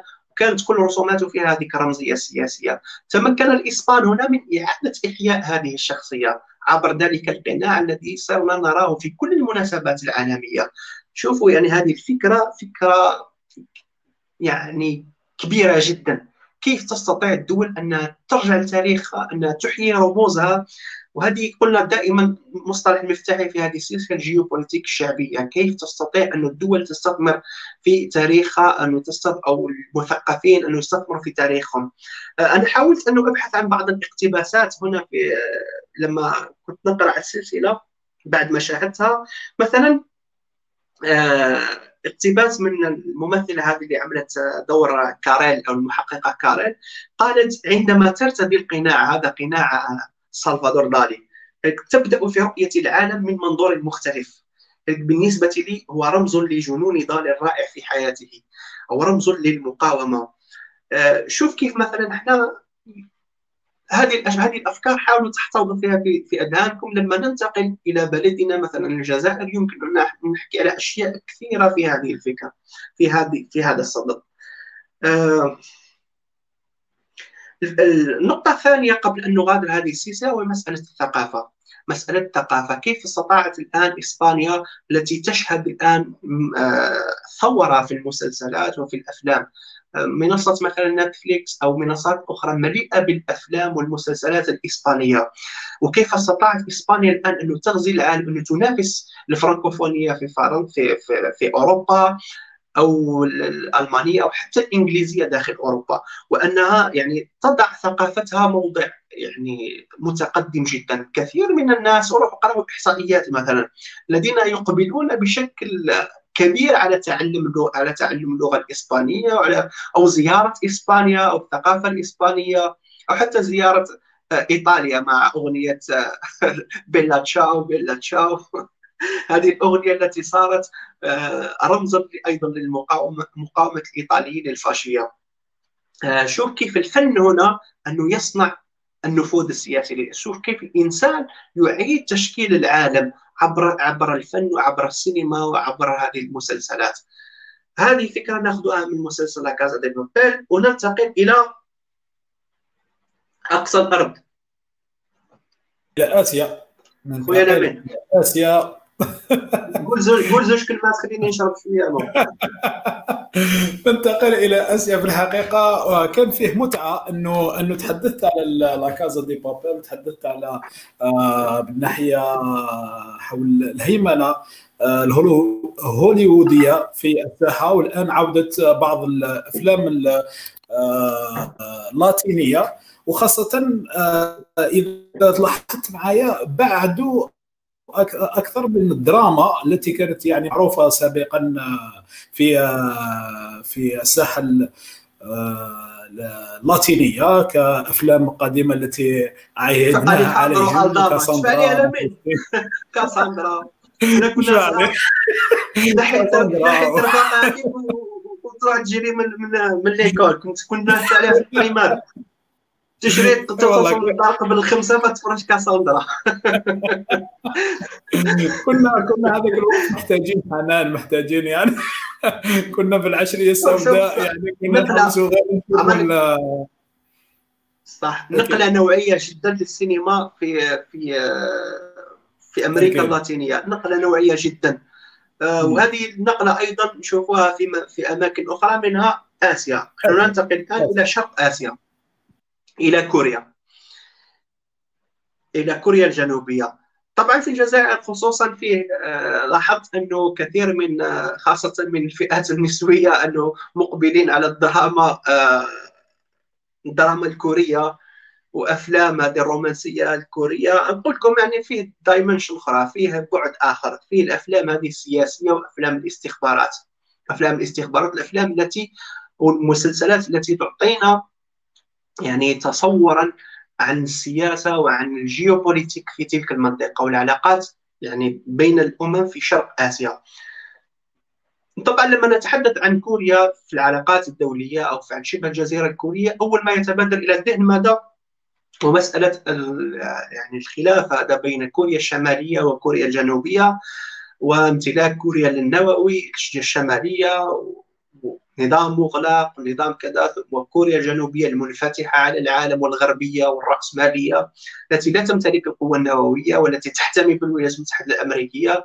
وظل هذا ظل هذا الخلاف يعني من وقت الحرب الباردة من من الخمسينات إلى اليوم آه، يعني يقصف شبه الجزيرة الكورية وكل المحاولات التي آه، ارادها الكوريون بعض الجهات داخل الكوريتين لتوحيد هذه الجزيرة قد باءت بالفشل. لما تشاهد هذه السلسلتين الأولى ايريس الثانية فاغابوند. نبدأ بايريس مثلا. كلاهما عندهم فكرة يعني متشابهة متشابهة. آه، ويعني استمتعت جدا بمشاهدة هذه السلسلتين. أولا خروج من الهيمنة الأمريكية والهيمنة الأنجلو ساكسونية للأفلام والمسلسلات. يعني حتى صرت لا أستطيع أني أشاهد الآن مسلسل أمريكي. يعني صار عندي ثقيل جدا. الرامبو هذاك الأمريكي الذي آه، في كل قصة هو البطل وينتهي دائما بهذه البطولات وهذه الأشياء التي تتكرر دائما حتى صرنا نمل منها. كوريا الشمالية والثقافة الأمريكية والماكدونالدز لما تشوف هذه السلسلات في كوريا الشمالية أو شرق آسيا تأخذ اولا فكرة عن الثقافة هناك. الثقافة مصطلح مفتاحي في هذه الحلقة أو في نظرتي الشخصية للعلاقات الدولية الثقافة. لما نشوفوا لما نريد أن نفهم أي دولة في العالم أو العلاقات الدولية أو العلاقات الإقليمية أو شيء من هذا القبيل في أي منطقة في العالم يجب أن نركز على على على الثقافة. ثقافة ثم ثقافة ثم ثقافة ثم فيما بعد إفهام العلاقات الدولية وهذه الأشياء. الشيء الثاني التي يعني جذب انتباهي هنا آه يعني أنا مؤمن به جدا ومسألة دور الاستخبارات دور أجهزة الاستخبارات. يعني نقول ملاحظة ربما كتبتها في أحد المرات أقرأ ما شئت من هذه الكتب تاع العظماء تاع العلاقات الدولية من كينيث والتز مورغنثاو إلى ميرشايمر إلى ناي إلى اقرأ ما شئت اقرأ ما شئت وتزود بما شئت من هذا الأمر والنظريات والمناهج وهذه الأشياء. يبقى عندك يبقى شيء trou كما نقولوها أو gap فجوه تبقى هناك فجوه في تحليلك وفي نظرتك للعالم اذا لم تفهم دور الاستخبارات وال agencies وكالات هذه الاستخبارات كيف تصنع العالم وكيف يصنع العملاء هذا العالم أيضا. هذه هذا ال dimension أو هذه المسألة يجب أن نأخذها بعين الاعتبار. المسلسلات نحن الآن لسنا عملاء لم نخطب في هذه الأجهزة ولا جواسيس. لا لذلك ربما البعض لا يستطيع أن يقول كيف أستطيع أن أفهم ولا أحد عندنا يكتب مثلا في الجزائر أو هذه الأشياء. لكن عبر العالم هناك الكثير من الكتابات حول دور أجهزة الاستخبارات منها نظرية مثلا مؤخرا. آه شفت كتاب يعني عملت الفورين افيرز من قبل ما لقيتوش آه، المرة هذه وإلا عرضته. آه، نظرية جديدة شبيهة بالمجمع الصناعي العسكري تسمى بمجمع الاستخبارات. كيف يصنع مجمع الاستخبارات؟ وكالاته آه، سياسة داخل الولايات الأمريكية وخارجها وعبر العالم أيضا. لما تشاهد ايريس أو فاجابون أول فكرة تأخذها يجب تركز عليها يجب أن تركز على هذه النقطة. ايريس طبعا اسم رمزي لمنظمة سرية داخل داخل كوريا. تحاول دائما الحيلولة دون حدوث هذا التقارب بين الكوريتين. هكذا بين الكوريتين. آه، طبعا يتم استخدام شخص هذا البطل في القصة حتى يغتال شخصية في معينة في في في هنغاريا. يكون هناك اجتماع بين الكوريتين بالمسؤولين حتى يتم اغتيال هذا الشخص ويتم تصفيته. فيما بعد يجد نفسه في مؤامرة كبيرة ما نحبش نحرق لكم الفيلم أو السيره اللي ما شافهاش وحاب يشوفها.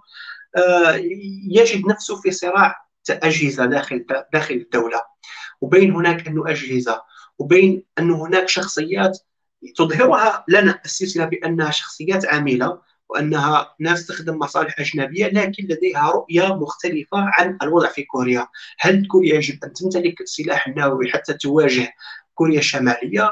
أم آه هذا الموضوع سيؤدي إلى حدوث حرب نووية ويجب أن نحول دون ذلك. هذه الفكرة الأساسية التي يدور حولها هذه السلسلة. آه وتتقاطع مع السلسلة الثانية في فكرة أخرى فاغابون وشرحناها قبل قليل هو دور المجمع الصناعي العسكري. يعني الأمر الرابط بين كوريا الشماليه كوريا الجنوبية ومسلسلاتها وبين الولايات المتحده الأمريكية وبين خاصة هذا الانجلو ساكسون دائما يحاولون أن إبراز عبر مسلسلاتهم مسألة دور آه، جماعات المصالح هذه الجماعات التي تمتلك الثروه عبر بيع السلاح والشركات الكبرى خاصة شركات بيع السلاح كيف هذه الكارتيلات وايريس هو الاسم الرمزي لأحد هذه هذه المنظمات يعني السرية التي تبيع الأسلحة وتتحكم يعني في آه، القدرات العسكريه لدول شرق آسيا أو عبر دول العالم. آه، هذه الفكرة التي تتقاطع فيها السلسلتين. آه، طبعا فاغابون أيضا نفس الفكرة ويتم تصويره بالمناسبة بين كوريا الجنوبية وبين المغرب. نعم سطر آخر لما نتحدث فيما بعد عن الجزائر هذا مسألة فاغابوند آه ربما خلينا نتحرك شوية نحو الجنوب الآن نتجه جنوبا أه تفضل ونحن ذاهبون إلى Secret Secret City ونشوفوا أيضا Asia's Asia's Cauldron أنا نقول لك حقيقه أنا أشاهد آه، هذه هذه السلسلتين وخلينا يعني أعطينا غلة محا باش تخلينا نشوفهم. تحكي لنا أيوه. أنا نحاول احاول قدر الإمكان أني أشرح علاقة السينما بالجيوبوليتيك العلاقه الدولية. و même temps و même temps نحاول ما نحرقش عليكم أحداث الفيلم. آه. لأنه في ناس كثيرة حابة تشاهد الأشياء. يعني نمد الفكرة العامة فقط أو الإشارات هذه اللي ciné politique ولا في ال relations internationales Secret City هذا أنا أيضا ما شاهدتوش كله في سبع حلقات limited series آه، شاهدت آه، إلى الآن ثلاث حلقات الأولى أو أربع حلقات الأولى فقط. مسلسل أسترالي في منصات مثلا نتفليكس أو كذا فيه أيضا كثير من المسلسلات الآن التي تنتج في أستراليا أو بالتعاون بين أستراليا وبريطانيا وبريطانيا خصوصا. أضع أمامه هنا آه، كتاب آه، من أحسن الكتب حول هذه المنطقة كتاب روبرت آه، كابلن أو غليان آسيا. هذه السلسلة موجهة لكل شخص يبحث في منطقة جنوب شرق آسيا وبالأخص بحر الصين الجنوبي. لماذا أنا وضعتها؟ لأنه هذا أنت تعرف لامين هذا هو الموضوع الأول تاعي تاع البحث في الجامعة موضوع بحر الصين الجنوبي. لما كنت أشاهد هذه السلسلة يعني قلت سبحان الله يعني جاءت متأخرة قليلا لكن معليش. وكأنه كل الأبحاث هذيك التي كنت أقوم بها أو المقالات حول هذا الموضوع والتاسس وهذه الأشياء صرت أشاهدها في هذه السلسلة. أه توضح لنا هذه السلسلة الخوف الموجود. ونرجع لكلمة الخوف انتصار الخوف الذي تحدث عنه دومينيك مواسي العاطفة المهيمنة الآن في العالم أو سماه قال لذلك سماه انتصار الخوف الكتاب تاعه الخوف الذي يهيمن على الأستراليين من الصعود الصيني. من يريد أن يرى كيف آه، كيف يصور الأستراليين أو الانجلو ساكسون أو الأمريكيين هاد الناس اللي في التحالف مع الولايات المتحدة الأمريكية ضد الصين من يريد أن يرى الصراع بين الولايات المتحدة الأمريكية وهذا الانجلو ساكسون كلهم وبين الصين فليشاهد هذه السلسلة. فليشاهد هذه السلسلة. شوفوا الرمزية مثلا أنه بطلتها بطله المسلسل موضوع إنها على فمها ضرب العالم العالم الصيني العالم الصيني. لو تعملها مزوم. أعتقد انه صار واضحة. أيوه. ويحكي قصة صحفية يحكي قصة صحفية محققة هذا اللي يعمل انفستيجيشن آه، في احدى المدن سموها هذه المدينة السرية في أستراليا آه، تبدو القضية قضية بسيطة ثم تجد نفسها في مؤامرة كبيرة آه، انه فيه الصينيين الآن متوغلون جدا في أستراليا ويهيمنون حتى على كثير من من دوائر صنع القرار والصحفيين وهذه الأشياء. وكيف انه داخل أستراليا فيه أجنحة فيه ناس مع مع آه، آه، مع الولايات المتحده الأمريكية ضد الصين ويجب أن يتم التصدي لها بالقوة العسكرية وبكل وسائل. وفيه ناس آخرين داخل أستراليا مثلا إنه يقول لك لا يجب أن يعني نتعامل مع الصين باعتبارها جارا حتميا. الولايات المتحدة الأمريكية ستتضاءل قوتها ستتراجع ستتراجع لا محاله ربما سيبدو لها يعني أن هذه المنطقة لن تكون ضمن أولوياتها مستقبلا شيء من هذا القبيل. لذلك يجب ألا ألا نخسر حسن الجوار مع الصين. يعني يظهر لنا تظهر لنا هذه السلسلة هذا الموضوع الشائك. طبعا الناس في العالم العربي وفي الجزائر عموما لا يولون أهمية كبرى لموضوع لما يحدث في شرق آسيا. يعني في كثير من الناس تعتبر أن العالم هذا مبني مركزيته على الشرق الأوسط والقدس وقضايا هذه الدينية والقضايا هذه وحنا وكأننا مركز العالم. في حين أن العالم الآن يتغير منذ منذ سنوات الناس تكتب على الصين وأكيد المتابع الأشياء التي أكتبها في البوصلة أو في الترجمات التي أتعمد الحديث عن هذه المواضيع بالضبط سوف يدرك يعني طبيعة هذا العالم الجديد الذي يتمركز الآن في منطقة جنوب شرق آسيا وبحر الصين الجنوبي بالضبط كمنطقة أساسية. من لا يفهم بحر الصين الجنوبي والصراع بين الولايات الأمريكية والصين الآن سيتعذر عليه فهم يعني آه، السياسة العالمية أو حتى أن آه، يتوقع ما الذي سيحدث مستقبلا على المستوى الدولي وطبيعة النظام الدولي عموما. آه، اقرأوا إن شاء الله هذا كتاب روبرت كابلن غليان آسيا بحر الصين الجنوبي ونهاية الباسيفيك الهادي الهادئ أو المستقر. المحيط الهادي المستقر. من أحسن الكتب التي كتب في هذا المجال. أخ جلال عن نكملوا الجولة تاعنا. والله يكون عندنا وقت جميل نكملوا الجولة نكملوا الجولة أو نخلوا حلقة ثانية. خلينا نكملوا نكملوا إن شاء الله. خلينا نكملوا إن شاء الله. نتعذر نكملوا. يعني إذا وصلنا نتعذروا ما ناخذ ما نقدروش ناخذوا التعليقات تاع خاطرش أنا دايرين déjà 1 heure 13 آه إن شاء الله المرة الجاية. خليوها ساعتين الحلقة خليوها ساعتين أنا على بالي باللي انت راي عندكم. راي عندكم دوكا في, إسطنبول après معليش ماشي مشكل. ماشي مشكل. إن شاء الله. ماشي مشكل. نكملوا نكملوا. نحاول نختصر.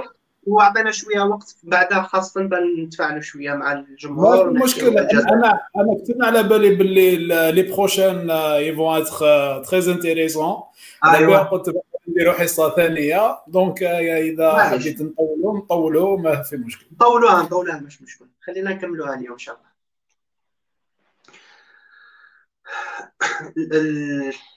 ننتقل الآن إلى وسط آسيا إلى شبه القارة الهندية. شبه القارة الهندية مع اخترت اخترت لكم ها يعني هذه ثلاث سلسلة سلسلة سلسلة وفيلمين آه، في وسط آسيا بالطبع اهم أهم أهم دولتين هناك باكستان والهند. وهذه وهذه السلسله السلسلتين والفيلم من من إنتاج يعني بوليود أو لا أو السينما الهندية. آه، يعني من يريد أن يفهم من يريد أن يفهم الخلاف أو الصراع أو تشكيل الجيوبوليتيكي إن صح التعبير في في في منطقة في شبه القارة الهندية والخلاف هذا التاريخي آه، بين بين الهند وباكستان فليشاهد هذه السلسلتين الثلاث وهي سلسلات يعني فيها كثير من التشويق والدور العام الاستخباراتي وهذه الأشياء. آه، طبعا نبدأ بالفيلم الذي موجود في الوسط هذا بارمانو. هذا الفيلم يعني من أكثر الأفلام التي ستبقى معك. يعني شخصيا كان عنده تأثير كبير علي هذا الفيلم. يحكي فيه كيف استطاعت الهند كيف استطاعت الهند انه تفرض نفسها على الساحة الدولية وانه تفجر القنبلة النووية. يعني في, قنبلة يعني النو... اختبار تعمل اختبار قنبله نوويه في التسعينات 94 أو 95 لا أتحدث عن التفجير الأول التي دخلت به يعني إلى النادي النووي لأنه كان تفجير سلمي فيما بعد. يعني كل الدول أنتم تعرفون تعمل تعمل آه تجارب نووية أو تفجيرات نووية متتالية حتى يعني أنه تثبت بأنها قوة نووية. هكذا. آه في هذا الفيلم يعني يوضح لك أنه كيف بعد سقوط يعني الاتحاد السوفيتي يعني بقيت الهند من دون أي حليف. في الوقت الذي كانت فيه الدول الجوار خاصة الصين أنه تعمل تفجيرات نووية. وأنه كانت الهند آه، أنتم تعرفون في مرحلة الحرب الباردة كان الحليف الأول تاعها هو الاتحاد السوفيتي آه، في مقابل دعم الولايات الأمريكية لباكستان. لكن لما سقط الاتحاد السوفيتي بقيت الهند من دون أي حليف. هكذا. وكانت الولايات المتحدة الأمريكية تدعم باكستانيا وتحاول احتواء الهند أيضا أو ترويضها أو ضمها إلى إلى إلى صفها. وكان الهنود يعني النزعة القومية في الهند عالية جدا وهذا الفيلم يخلد هذه النزعة القومية. آه يعني احد بطل هذا الفيلم هو عالم. بطل الفيلم عالم يعني في الرياضيات في في الهندسة يعني في الهندسة وهذه الأشياء الأمور التقنية.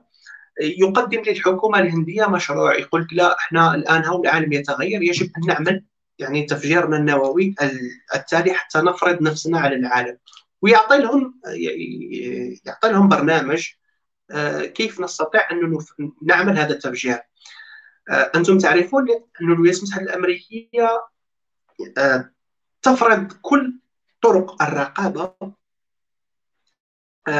على الهند أو على هذه الدول التي تطمح إلى دخول النادي النووي. كان في ذلك الوقت ساتلايت أو الأقمار الصناعية التي تمسح الأرض يعني بشكل مستمر بشكل مستمر. بالتالي في اي حركة أي أي حركة يعني يمكن أن ترصدها أي حركة مشبوهة أي عملية عسكرية يمكن رصدها بشكل واضح جدا في تلك اللحظة. آه لما عرض هذا العالم برنامجه على على الحكومة يعني أخذ تم أخذها بشكل غير جدي وتم سرقة سرقة ذلك البرنامج من طرف أحد السياسيين. ونفذ السياسيين هذه الفكرة بطريقة لم تراعي هذه السرية ولم يقرأوا حتى يعني هذا البروجيكت تبع هذا الإنسان وكيفية تفجير إحداث هذا التفجير النووي.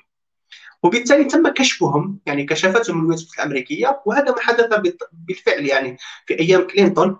في منتصف التسعينيات وتعرضت الهند للكثير من الضغوطات من طرف المتحده الامريكيه وشوه يعني منظرها يعني صورتها العالمية بأنها تريد الخلاف في باكستان وتم الحشد مع باكستان وأزمة كبيرة جدا. آه، طبعا يصور الفيلم كيف هذا البطل ابتعد عن تم إقالته ثم تغير النظام داخل الهند واراد النظام الجديد كان مقتنع بأنه يجب أن يفرض نفسه كقوة حتى يتم احترامه يعني من طرف الجيران ومن طرف يعني النظام الدولي المتحده الأمريكية خصوصا.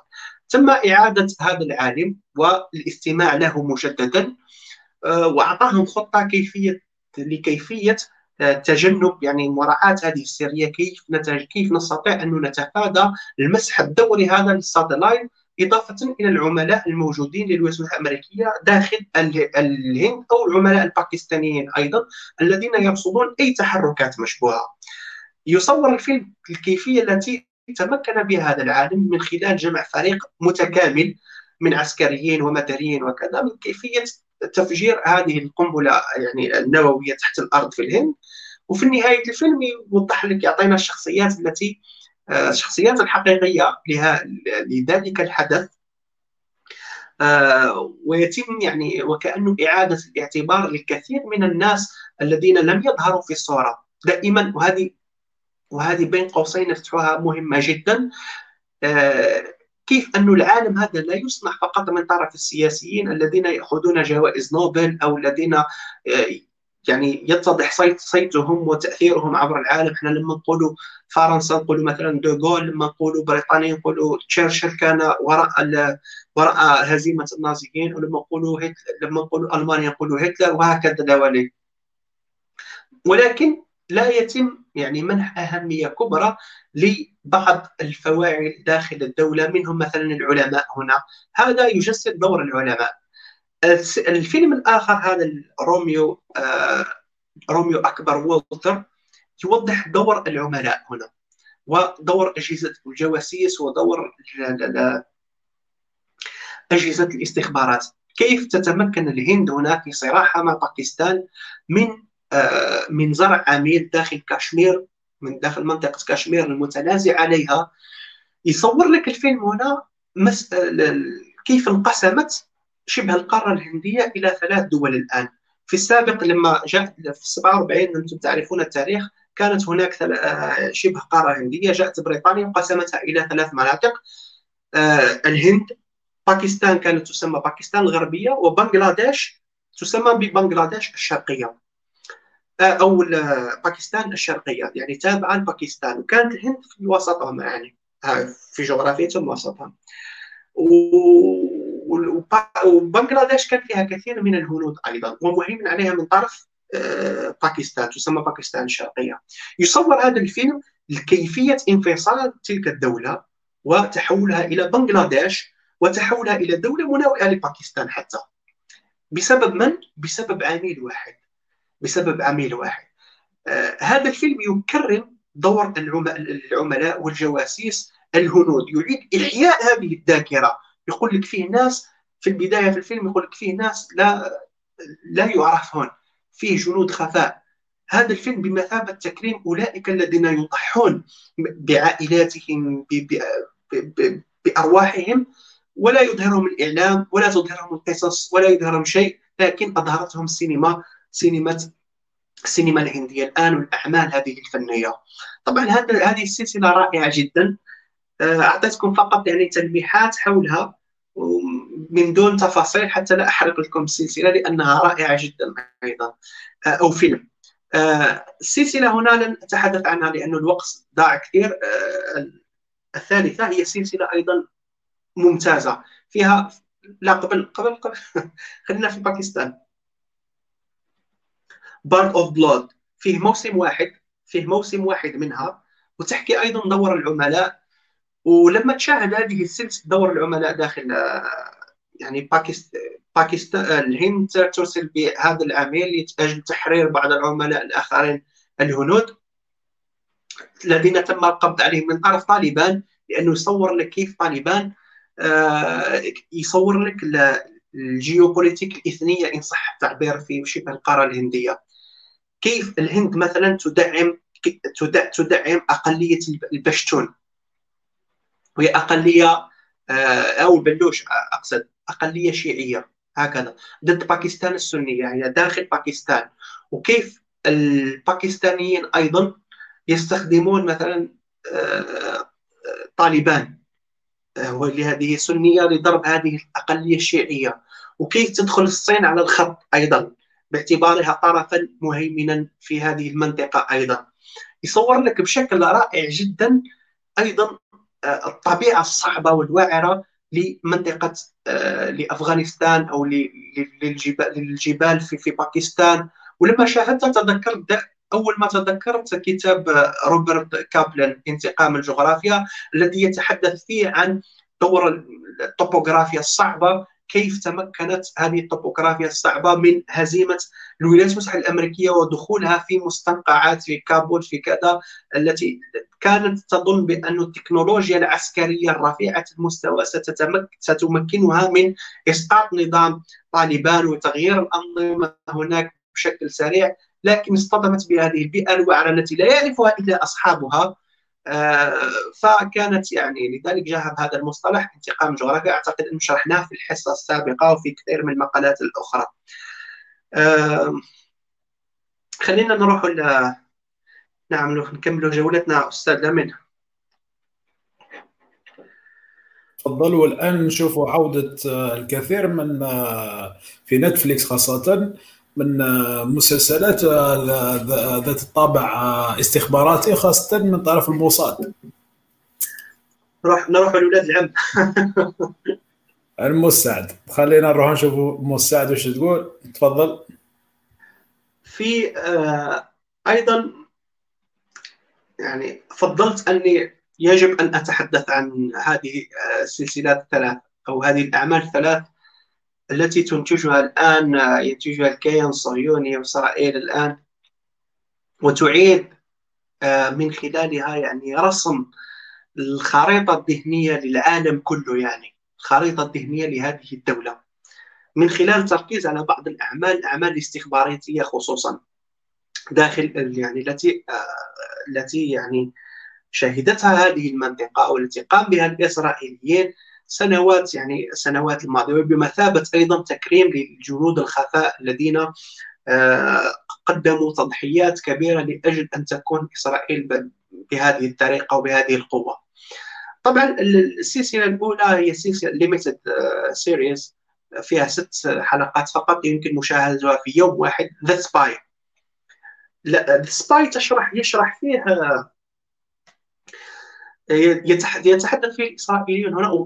بالمناسبة السلسلات آه، في في ثلاثة يعني تاع المخرج جدعون راف آه، يعني من أكثر المخرجين وسبيلبرغ تاع تاع الإسرائيليين. مبدع جدا مبدع جدا في إعادة إحياء يعني المخيلة السياسية وإعادة رسم يعني المدركات العالم تجاه تجاه يعني القضية القضية الفلسطينية الآن أو ما يعتبرونه هم قضية قومية أو كيان وشرعية شرعية الكيان الصهيوني شرعية إسرائيل في المنطقة. The uh, Spy يصور قصة الجاسوس الشهير uh, إيلي كوهين. إيلي كوهين أعتقد أنكم سمعتم بهذا الجاسوس الذي كان في مرحلة في مرحلة الستينيات بداية الستينيات قبل يعني الحرب المشهورة حرب 67 الذي تمكنت فيها إسرائيل من تغيير جيوبوليتيك لمنطقة الشرق الأوسط كله. احتلت الجولان آه سيناء خليج العقبة في ستة أيام فقط قهرت كل الجيوش هذه كلها. واحتلت الجولان الجولان الآن الذي لا زال إلى حد اليوم تحت السيطرة الإسرائيلية.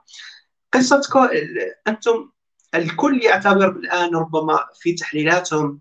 خلاص جماعة العلاقات الدولية يقول لك إسرائيل وكانت وعملت بريان بوار وهذه الأشياء ويحل بهذه الطريقة.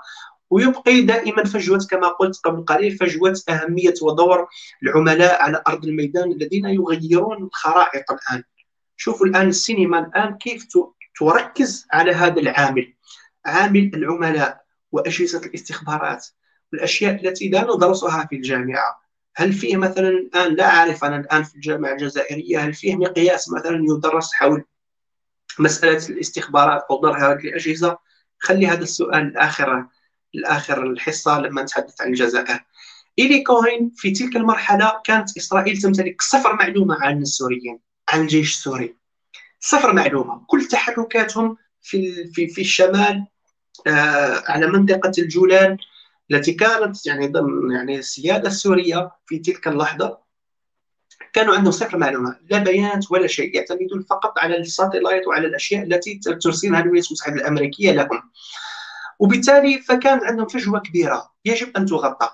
يجب أن تغطى. تم استخدام هذا العميل إلي كوهين مشهور جدا في بطل قومي يعتبر في في إسرائيل الآن. آه، كان قدم خدمات من قبل هرب المصري هرب يهود. يعني كانوا مقيمين في مصر ودخلهم لدولة الكيان الصهيوني لأنه تعرفوا في تلك في تلك الفترة كانت إسرائيل تحاول أن تستجلب تغير الديموغرافيا داخل الأراضي الفلسطينية وتستجلب اليهود من كل أنحاء العالم. إلي كوهين ساهم في ذلك في تلك المرحلة وجلب المصريين. كانت عنده هذا ال reputation هذا السمعة. تم استخدامه من جديد وتم تدريبه وأريد ان يتم زرعه في سوريا. كيف؟ عن طريق تدريبه وإرساله إلى أمريكا اللاتينية. في أمريكا اللاتينية في الأرجنتين في بيوس ايرس بالضبط تعرفون في تلك المرحلة في الستينات والسبعينات كانت مليئة بالجاليات العربية وإلى الآن موجودين. الجاليه العربية والسوريه خصوصا. آه، آه، يعني تم إرساله باعتباره رجلا ثريا. سوريا ثريا اسمه كامل غير اسمه آه، كامل أيمن ثابت. أمين ثابت. وحاول انه يتقرب هذا العميل من l'attaché militaire الملحق العسكري. السوري في سفارة بيونس إيرس. وهذه قصة حقيقية يا جماعة. شوف كيفية استخدام السينما في إحياء هذا التاريخ العريق بالنسبة للإسرائيليين أيضا من نجاحاتهم يعتبرها نجاحات.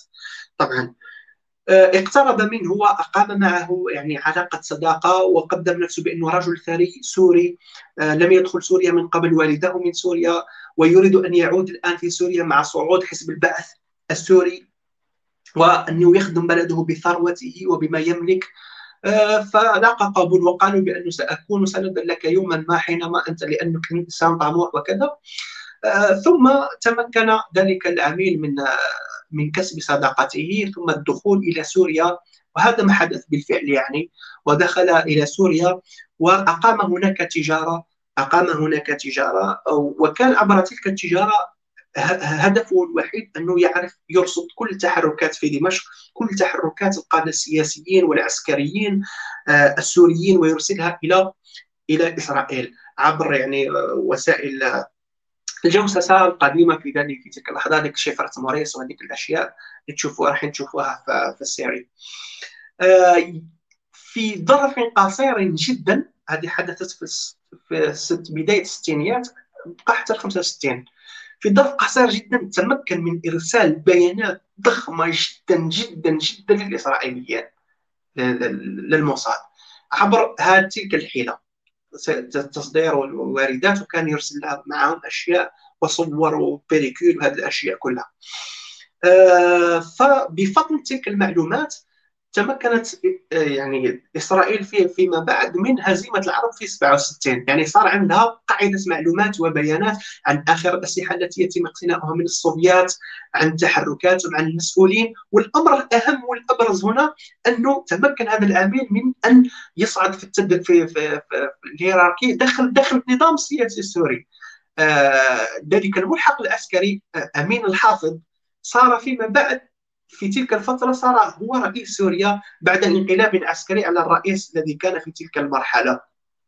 تمكن من بسط السلطة بمساعدة هذا العامل الذي يعتبره كان يظن بأنه سوري ثري وتوغل يعني داخل هيراركية السلطة وأقام علاقات مع المثقفين السوريين مثقفي حزب البعث في ذلك اللحظة وشوفوا إحنا يعطينا واحد الرمزيات هكذا في السيري. آه ثم يعني آه قلت لك يعني تمكن أنه يصل إلى مراتب عليا بشكل رهيب جدا. ثم في النهاية قصته معروفة تم آه، يعني كشفه آه، بفضل التكنولوجيا السوفيتية في تلك المرحلة واعتقاله وإعدامه في وإعدامه في آه، في سوريا على الملأ. على الملأ وصار بطل كبير جدا داخل إسرائيل وأعيد يعني له الاعتبار الآن من خلال هذه السلسلة داخل داخل إسرائيل. آه، ويصور لك أيضا في الفيلم كيف المعاناة الإنسانية هذه العملاء وأنهم وأنهم وهذه القصة. الفيلم الثاني وهو فيلم الملاك ذا أنجل أيضا نفس الفكرة. الدور وأهمية العملاء في رسم يعني خرائط الدول. يتحدث عن العميل هذا المشهور أي أشرف مروان. أشرف مروان الذي يعتبر الآن بالنسبة لمصر بطلا قوميا.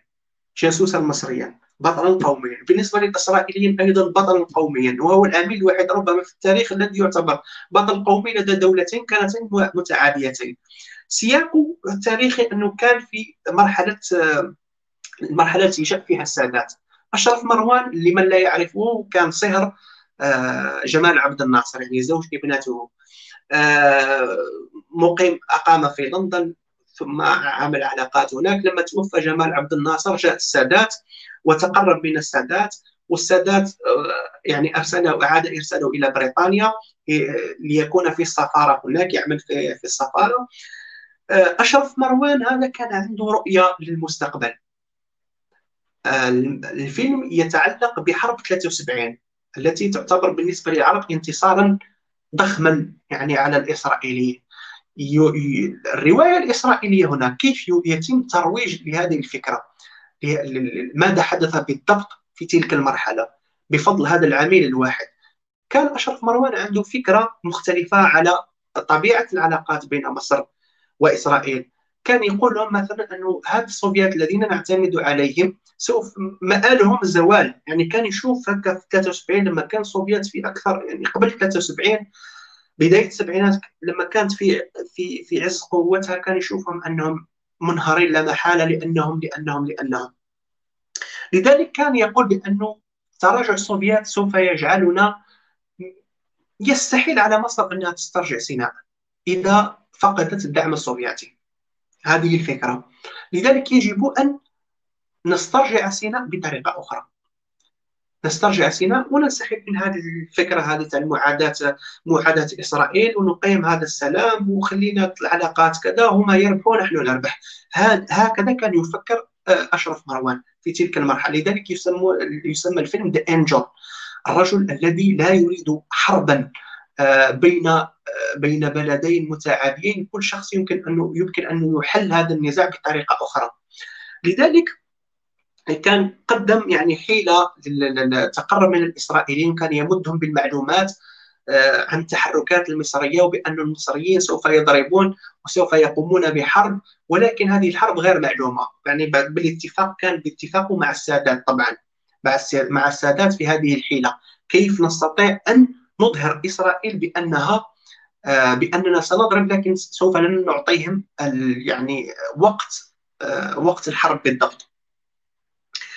آه، يعني مش حاب نحرق الفيلم لكن يصور هذه الفكرة وكيف استطاع في النهاية أنه يمارس الخداع النفسي للإسرائيليين يقول لهم باللي كاينة حرب راح تجي هما يبداو يحشدوا وعمالكم أنه الحشد لما يتم حشد للحرب في خسائر اقتصادية كبيرة 8% من الجيش الإسرائيلي جيش احتياطي.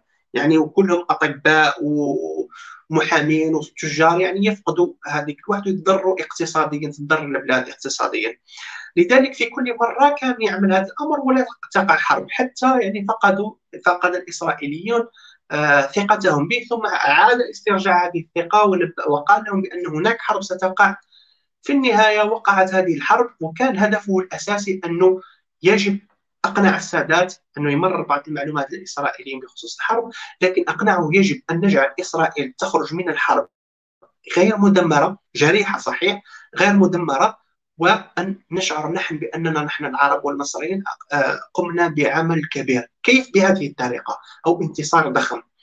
آه، هذه هي الرواية التي يريد يعني الإسرائيليين أنه فيها شيء من الصحة طبعا أنه يمرها آه، وأنه مصر الهدف الأساسي تاعها في 73 ليس محاربة هذه الشعارات هذه كلها محاربة إسرائيل ولكن استرجاع سيناء بطريقة معينة. وهذا ما تم بالفعل والسادات فيما بعد يعني وقع اتفاقية السلام وزار القدس خطابه الشهير معروف وصور لك الفيلم هنا كيف شخص واحد استطاع أنه يغير كل يعني الخريطه خريطة الصراع العربي الإسرائيلي وكل خريطة الشرق الأوسط التي لازلنا نعيشها إلى اليوم. إلى اليوم. طبعا اشرف مروان آه توفي سنة 2007 أنا نتفكر كما الآن يعني كنت لأنه كنت الوقت هذاك أقرأ كثير يعني الأشياء هذه تاع العملاء وكذا من الصحف. أتذكر أنه يعني يعني كهذه اللحظة كيف سقط من يعني التقارير هذيك في بريطانيا كيف سقط من الشرفة بطريقة غير مجهولة يعني حتى أنه أنه تم اغتياله. في منصه نتفليكس في سلسلة أخرى يعني documentary آه، يعني يجيبوا فيها عملاء سابقين وباحثين وكذا يحكيوا على أشرف مروان هل كان عميلا مزدوجا بطل قومي لدى مصر أو لا؟ انصح أيضا بمشاهدتها. آه، الفيلم الآخر هذا دراتسي أيضا من نفس المخرج من نفس الاسرائيليه يتحدث أيضا عن العملاء ويشرح فيه كيف استطاعت إسرائيل من خلال مجموعة من العملاء من تهريب مجموعة ضخمة من اليهود يهود الفلاشة في إثيوبيا على القرن الإفريقي عملية يعني تاريخية في الثمانينات مشهورة جدا. كيف استطاع عفوا. كيف استطاع يعني الإسرائيليين من خلال هذه العملاء ومجهوداتهم يعملوا يعملوا كل عملية هذه التهجير من دون أن من دون يعني أن تنتبه لهم السلطات الإثيوبية والعالم كله ويتم تهريبهم بطريقة يعني يعني خيالية جدا جدا جدا. الفيلم يعرضها يفصلها مجموعة من العملاء آه، داخل داخل إثيوبيا. متنكرين بزي أنهم سياح يديرون فندق معين على البحر الأحمر فندق. آه، ولكن من وراء ذلك الفندق كانوا يقومون بأعمال كثيرة. هذه أعمال التهريب. أيضا يعطيكم فكرة كيف إسرائيل تقوم بهذه العمليات وكيف قامت بها من قبل آه، تهريب الفلاشة. خلينا نروح ننتقل يعني ربحا شوية الوقت. نذهب إلى الشمال نحو تركيا. نحو تركيا وهناك أسئلة كثيرة حول تركيا وكان أفضل يعني مسلسل. الذي شهدته خمس أظن خمس فصول وكل فصل فيه قرابة المئة حلقة. والجزائريين يعني. كثير شاهدوا هذا هذا الفيلم وهو مسلسل أرطغرل. أرطغرل أو أرطغرل أو أرطغرل. أرطغرل. خلينا نسمعوك يا معلم. تفضل. زيد فضلك خليني نختصر في أرطغرل وفي تركيا. لأني لو دخلت في تركيا تحتاج حلقة واحدة يعني كثير من الأشياء التي يمكن أن أتحدث عن تركيا في هذه الوقت. لكن خلينا آه، أنا من قبل وضعت هذه الصورة فيه صورة لكتاب كتاب The Race of آه، Civilization of State من قبل قدمت واحد الاختصار مقالة مختصرة لاميتاب أتشاريا حول فكرة الدولة الحضارية فكرة الدولة الحضارية. يعني كيف مجموعة من الدول الآن آه، تعود من جديد للساحة الدولية من خلال ارتباطها بماضيها الحضاري. يتحدث اميتاب باتشاريا أو هذا الكاتب كاتب آه، كريستوفر آه، كريستوفر كوكر ومن أول من كتب في هذا الموضوع. شوفوا من من من غلاف الكتاب يتحدث عن الصين. وعن وعن روسيا وعن العالم الإسلامي ويرمز هنا لداعش عالم داعش. لا أعرف لماذا لأني لم أقرأ الكتاب بعد. قرأته مختصرا عنه. آه، الفكرة شرحتها قلنا في مع اميتاف أتشاريا في المقال من قبل ويتحدث فيه عن هذه الدول التي تعيد ارتباطها بالتاريخ. منها الصين من منها دولة منها دولة تركيا الآن منذ مجيء حزب العدالة والتنمية. أشهر هذه السلسلات هي سلسلة أرطغرل من دون منازع. من دون منازع. في النهاية سأقول لماذا ببعض الأرقام لما نقارن الوضع مع الجزائر. آه، أنا تعمدت هنا أن أضع صورة أيضا آه، لإحدى المقالات يعني كتبتها سنة 2016 عن السينما كقوة ناعمة فاعلة في السياسة الخارجية التركية. وحاولت أني آه، أشرح دور السينما في تركيا في صناعة السياسة الخارجية التركية أو حتى في صناعة صناعة السياسة الداخلية وتكوين مخيال آه، جمعي تركي يلتف حول مشروع معين ومشروع حزب العدالة والتنمية. آه، وضعت هذه الصورة فقط حتى كإحالة لكم لأنه كثير من الناس يعني شاهد هذه السلسلة والسلسلة مليئة بالقيم مليئة بالرسائل السياسية. وتجدون بعض الملامح هذه الشرح في هذا المقال آه، لذلك حتى يعني نختصر. للإشارة فقط قبل أن ننتقل من تركيا يعني لن أتحدث فيها كثير. آه، حابين نمشي إلى الجزائر الآن. آه،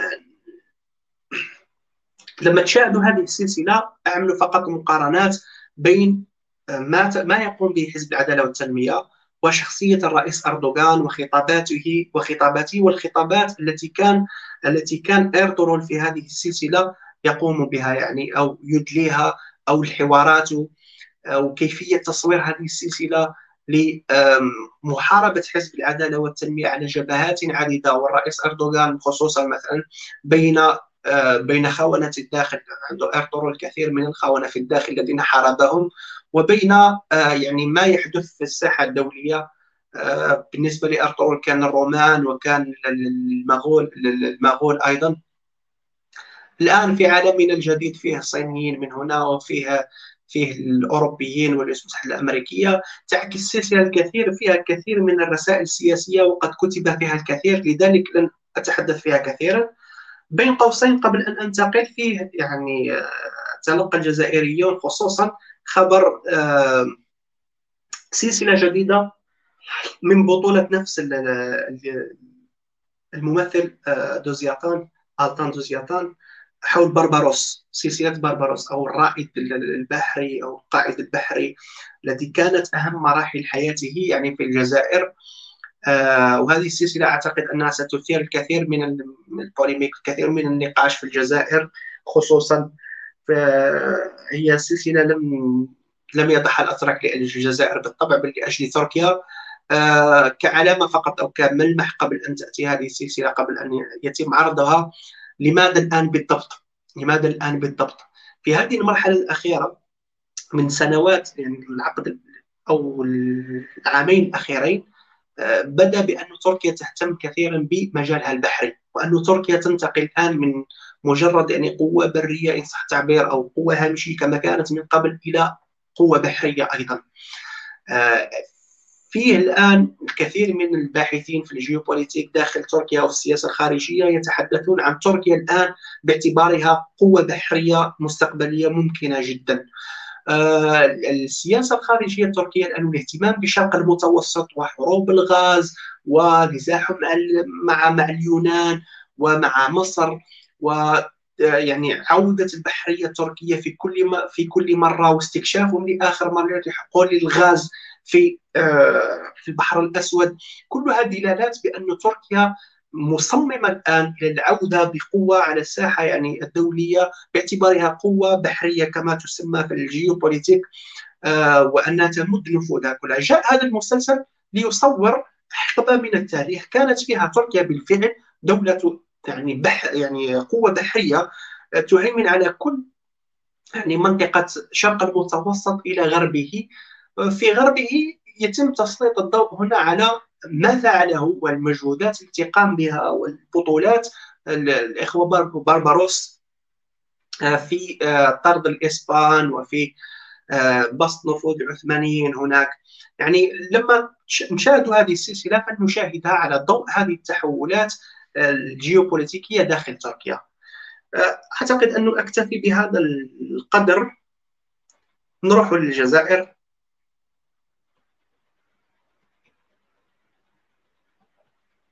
الجزائر مع رفقة آه، يعني آخر آه، آخر مرحلة وآخر خطوة في الجزائر. أحسن أحسن مسلسل الذي يتحدث عن السياسة الداخلية الجزائرية. آه، احسن فيلم أنا أقول أحسن فيلم. مغلوب بوباردي تفضل. الرجاء حالكم جنة. تفضل. أنا قلت تحكي ما قاعد تشوفوا قال كلمنا كبير اخويا شو رجع أقول لنا طبعا أنا تعمدت وضع هذه الصورة فقط على سبيل المزاح يعني تحياتنا الكبيرة والعظيمة لهذا الفنان الكبير والرائع ومحبوب كل الجزائري من دون أي من دون أي منازع ومن دون أي خلاف. عمي عثمان يعني حفظه الله وبارك في عمره.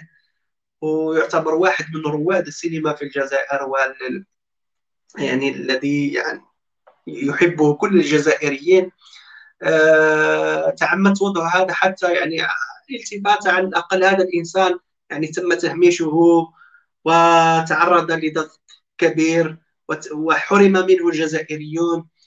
آه، لذلك أنا فضلت أني اضع هذه الصورة يعني فقط تكريما لشخص هذا الإنسان وتعبيرا عن حبنا نحن الجزائريين وشخصي لهذا لعمي عثمان ربي يحفظه إن شاء الله. طبعا الكرنفال في دشرا يحكي شيء معين لا علاقة له بما نريد أن نتحدث الآن. السياسة الجزائرية داخل بطريقة هزلية كان في 86 آه، طبعا فقط وضعت هذا على سبيل لما نتحدث عن السينما الجزائرية يعني في الكثير من الأشياء يعني فضلت أني نتركها للجمهور لأني أعرف أنه كثير من الأسئلة ستكون حول ذلك. مؤخرا شفنا هناك هناك عودة يعني محتشمة ما فيش هذا ما شفناش أشياء يعني آه، مشابهة لما يحدث عبر العالم. آه، في أمريكا اللاتينية كما شفنا الآن في الهند أو في كل هذه الدول حول أفلام أو حول حول آه، مسلسلات تصل إلى مستوى العالمية أو تخاطب العالم أو تصنع صوره للجزائر أو توضح دور مثلا كما قلنا الآن العملاء أو جنود الخفاء أو مجهودات الناس التي غيرت في تاريخ الجزائر أو من الثورة أو وكل ما تم تقديمه إلى الآن تقريبا يعني حتى لا أعمم لست ناقدا سينمائيا ولا شيء ولكني ملاحظ ملاحظ لما يتم إنتاجه هنا هو شيء تحدثت عنه في السابق مفرط جدا في محليته. آه، ما زالت ما زالت الأجيال الآن تتذكر وعليكم يعني هذه دورية نحو الشرق الذي سيبقى خالدا في مخيلة الأجيال السابقة. جينا نحن الذين قبلنا لكن يبقى مجرد يعني فيلم يعني سيكون مهترئ لا علاقة له بالأجيال القادمة التي اعتادت على صورة الاتش دي وعلى وعلى الحبكة وعلى هذه الأشياء. يعني للاسف للأسف ما زلنا بعيدين جدا عن مواكبة هذا مواكبة هذا العالم عبر السينما عبر تشكيل صورة للجزائر في الخارج أو عبر إعادة إحياء رموزنا مثل ما كنا نشوفه مثلا في لا كازا دي بابيل أو إحياء دور العملاء والناس التي قدمت مجهود قدمت خدمات كبيرة. أنا كتبت من قبل واحد البوست هكذا وتحدثت عن كيف نصنع رموزنا وقدمت أمثلة مثلا من سعود زقار مثلا. لماذا كنت أكتب هذه الأشياء؟ لما نشوف السينما العالمية تتجه لهذا النحو نحن ونحن الآن هذه الاجيال لا تعرف شخص مثل مسعود زقار أو راشد ناتي أو هؤلاء يعني من خيرة ما أنتجته يعني ما أنتجه جهاز الاستخبارات في الجزائر. حينما كانت الجزائر تعتبر مكة الثوار وحينما كانت هي بمثابة يعني قاطره العالم الثالث والعالم كله. إحنا كانوا شيء عندنا حتى كارلوس هذا الذي هذا الذي يعني آثار العالم كله هذا المعارض اليساري تشيكيفارا وكلهم هذا الناس الأبطال في تلك المرحلة مروا كلهم على الجزائر. وشخصيات مثل هذه يعني لحد الآن لم يتم يعني لم يتم لم يتم تعريف حتى الجزائريين بها. لم يتم تعريف. في التغيير الحكومي لما حدث مؤخرا وجاءت وقال لك راح نعملوا هذاك حقيبة وزارية أو شيء من هذا القبيل حول السينموغرافي أنا كتبت في هذه المرحلة وعبرت عن فرحي وقلت سبحان الله يعني الحمد لله أول مرة يعني نشوفه بشكل عملي أن الدولة الجزائرية تتجه إلى صناعة سينما لكن لحد الآن لم نرى شيئا والأمور يعني كيف أقول آه يعني بالنسبة لي على الأقل لا أريد نقل هذه السلبية لكن في أشياء إيجابية. لو تنقل لي الصورة الأخرى أستاذ لمين؟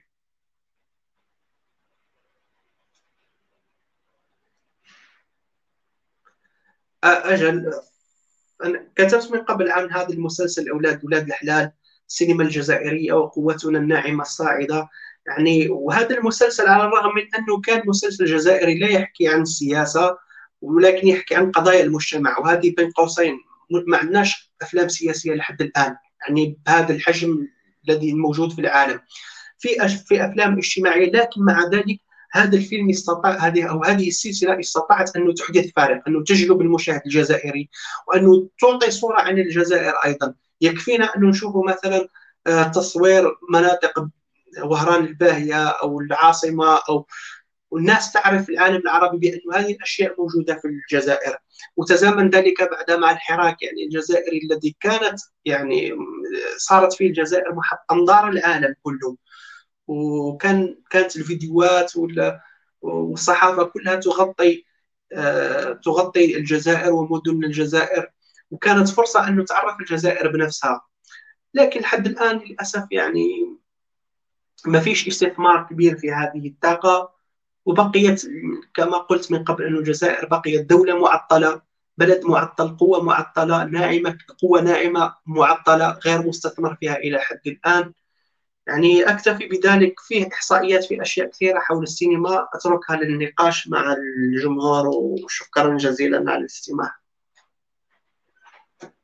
شكرا. يعني آه، كما قلت لك آه، أستاذ جلال آه، حيكون يعني هناك سؤال نأخذ سؤال فقط واحد. يعني هناك العديد من الأسئلة وكان هناك عديد من الناس رحبوا بهذا النوع من من الحصة ونوع من حتى ال subject. خلينا نأخذ سؤال واحد وحيد كان سؤال Facebook user هي أخي هل ممكن هل من الممكن أن تخبرنا رأيك عن توسع الدراما التركية في باكستان والجزائر؟ آه، كتعاون إنتاجي مؤخرا مع باكستان أو آه، مواقع تصوير في الجزائر في أي سياق يمكننا قراءة هذا هذه الأخبار؟ شكرا جزيلا. je pense باللي راك جاوبت عليها لا لا. ويعني صراحة يعني شخصيا ما عنديش علم بأنه فيه تقارب بين الجزائر درام يعني تعاون هو coopération بين الجزائر وباكستان آه. ما عنديش آه. ما عنديش فكرة ما نكتبش عليك باكستان أظن مع باكستان وترك الجزائر أظن نعم.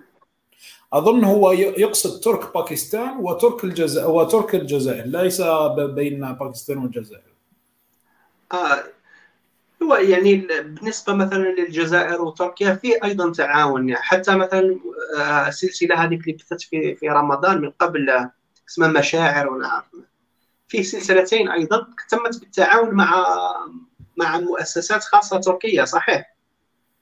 وهذا الفيلم السلسلة هذه بربروس التي ستأتي ستكون أيضا بالتنسيق وبالتعاون مع مع السلطات الجزائرية مع مع مع يعني مسؤولين فنيين جزائريين يتم فيها تبادل خبرات وبالطبع نحن نرحب في الجزائر. أنا شخصيا أرحب بهذه الأشياء. يعني شيء جميل جدا أننا نستفيد من الخبرة التي وصلت إليها دول أخرى. دول أخرى خاصة يعني أنه يعني آه، الطاقه الرماديه في الجزائر موجودة. في فنانين كبار جدا يعني في الجزائر. آه، فيه طاقات شابة صاعدة. آه، فيه فيه في أشياء. نحن نحتاج فقط الامكانيات والإرادة السياسية. الإرادة السياسية الإرادة السياسية منعدمة تقريبا. ما فيش هذه الأشياء يعني. من قبل أنا قرات هذه الأشياء هكذا لا أعرف مدى مصداقيتها لكن حتى آه، آه، يرفعوا فيه زوج مخرجين جزائريين حبوا يديروا تصوير أو documentary أو كذا في, في نتفليكس يطلعوا على الحراك. وتم تقديم الفكرة وصلت للجهات المعنية فوق لكن تم عرقلتهم. لا أعرف مدى مصداقية هذه هذه الخبر هذا ولكن ما الذي يفسر الآن غياب مشروع يعني سينمائي حقيقي؟ تحدثنا مثلا لو نقارن فقط بالجارة بالمغرب مثلا. فيه مدينة مدينة تزووارت هذه مدينة آه، مدينة آه، سينمائية كلها. Prison Break هذا أعظم مسلسل في التاريخ الأمريكي. تم تصوير الجزء الخامس هناك. Vagabond مثلا هذا تم تصوير هناك. الجزائر لو رفضت الآن تتعاون مثلا في قضية بربروس سوف يتم تصويره هناك. والآن الكل يتباكى حول موضوع هذا الفيلم Redemption هذا. Redemption Day الذي آه أيوه.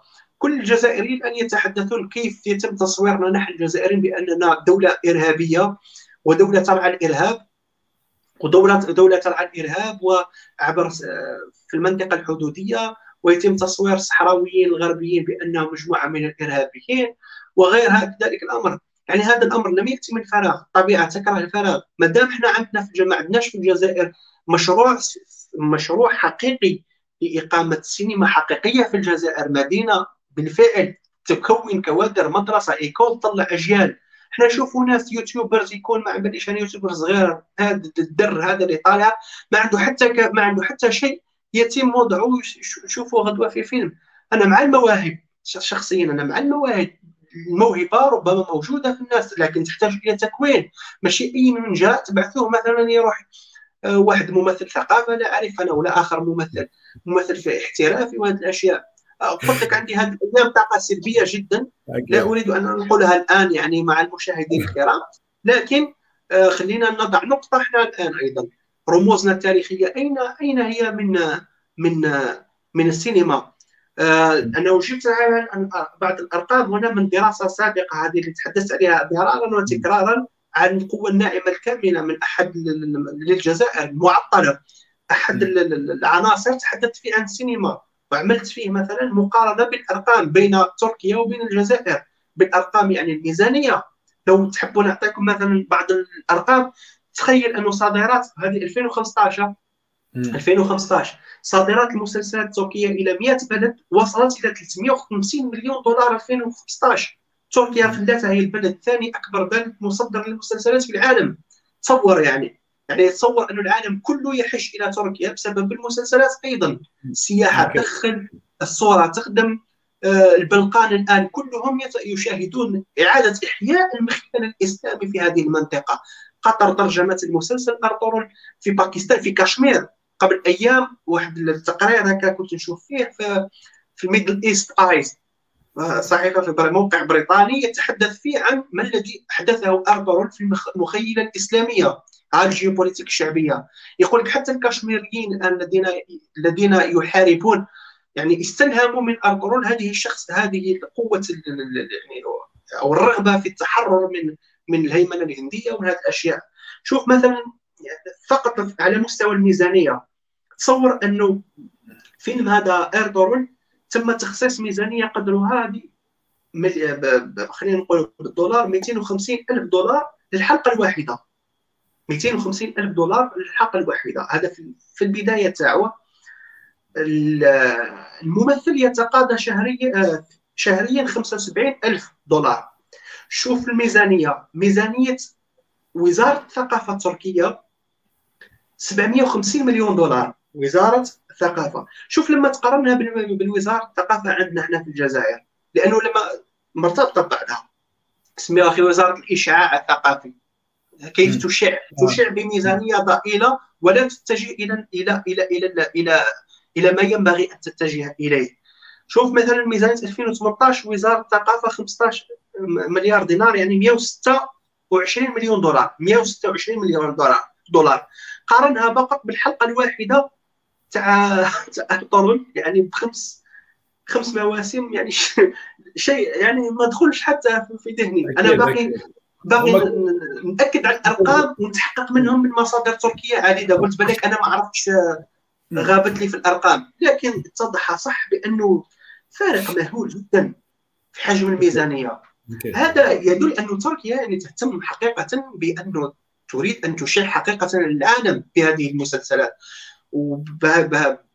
يعني تدرك حقيقة بأن العالم تغير يجب أن نخاطبه بطريقة مختلفة. خلينا نستفيد من هذه التجربة. ماشي عيب يعني. خلينا نستفيدوا نستفيدوا من التجارب التركيه ومن التجارب الأخرى ونستفيد من الخبرة.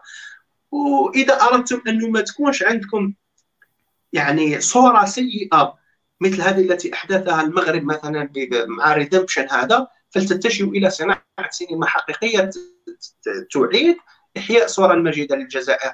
شوفوا الآن يا جماعة أنا في الخارج الآن نشوف مثلا حتى على مستوى الجاليه العربية. الجزائر بالنسبة في المخيال الكثير من المثقفين هنا هي كوريا الشمالية.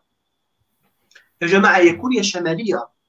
هي بمثابة كوريا الشمالية. كل يصورون بأن نظام عسكري يعيق الوحدة المغاربية. نظام عسكري يتم مغلق آه، لا يعرف معنى الديمقراطية. نظام قمعي هكذا يتصورون الجزائر. للأسف كثير من الجزائريين أيضا آه، يساهمون في صناعه هذه الصورة وهذا شيء يعني إحنا جزائريين على بالنا النظام تاعنا كاين على بالنا كاين فساد على بالنا أشياء كثيرة لكن ماشي الجزائر كوريا الشماليه الجزائر الآن هي مثل إيران يصوروها يعني في المنطقة المغاربية في حين أنه بفضل السينما مثلا المغاربة الآن يعطونا فكرة إيجابية عن المغرب الذي يهتم بالثقافة ويهتم بالتنوع الثقافي و يعني ينتج أفلام ومتسع ويسع صدره العالم وانه وانه انه انه أنه. في حين آه. أنه الجزائريين يهتمون فقط باستيراد الأسلحة الروسية. نعم. آه، أستاذ جلال حبيت نسألك سؤال حول إمكانية آه، صناعة المخيلة المجتمعية من خلال آه، أفلام توحي إلى الطبيعة. خاصة مع دولة الكيان الصهيوني كان هناك مسلسل يعني في رمضان العديد من المسلسلات لكن أبرزهم كان مسلسل أم هارون ما مدى يعني آه قراءة آه أو صناعة يعني المخيلة الشعبية من خلال هذا المسلسل في رأيك في التطبيع أو في حتى يعني قبول بالتطبيع؟ إيه، طبعا طبعا في في دول مثلا أنها تتجه إلى تطبيع منها من المغرب أو مصر أو هذه الدول.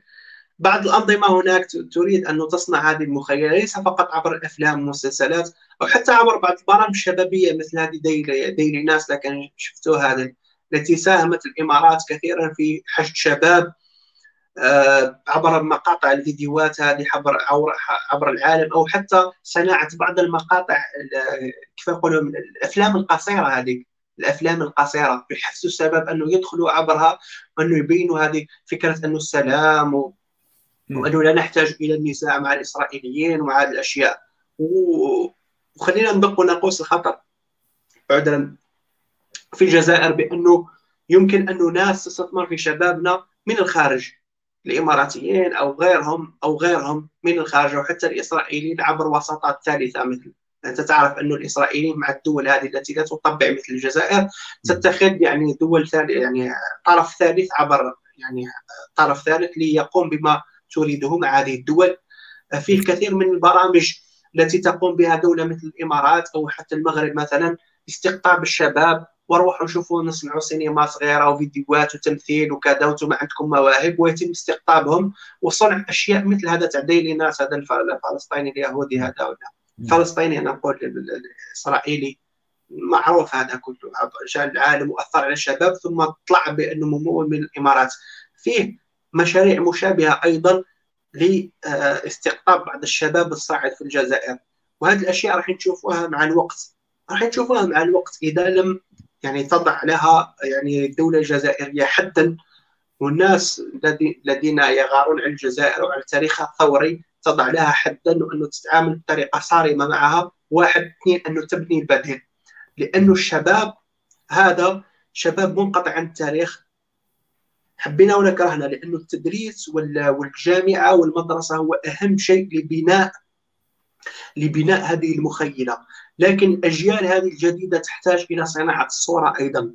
تحتاج إلى أنه آه تعرف تاريخها من خلال هذه الصورة عبر هذه الأشياء. لذلك الجزائر يجب أن تت... شيء حتمي شيء حتمي. وإلا تبقى صورتنا عند العالم باعتبارنا نحن كوريا الشمالية البلد المارق أو إيران المارقة في منطقة المغرب المغربية في المنطقة المغربية. أستاذ جلال إذا سمحتني فقط من ناحية التمويل أنت تحدث حول إذا لم يتم هناك استثمار من طرف الدولة أو هناك استراتيجية في بناء يعني اقتصاد سينمائي أو حتى سياحي سيكون هناك تمويل وهناك سؤال حبيت نربطه مع أستاذ فريد وايز آه، سال في اليوتيوب متتبع قال آه، فرنسا مهيمنه على آه، على الأفلام على في الجزائر. وصورتها بثقافتها الفرنسية صورة المرأة المقهورة والتي تريد التحرر من كل شيء في غياب دولة آه، محترمه خاصة يعني كان هناك يعني فيلم عديد من الأفلام أنا في الحقيقة عندما أول شيء آه، انقله كسياسي يعني حتى كأستاذ العلوم السياسية وأنت اظن أنه أول شيء تقوم به هو من يمول هذا الفيلم.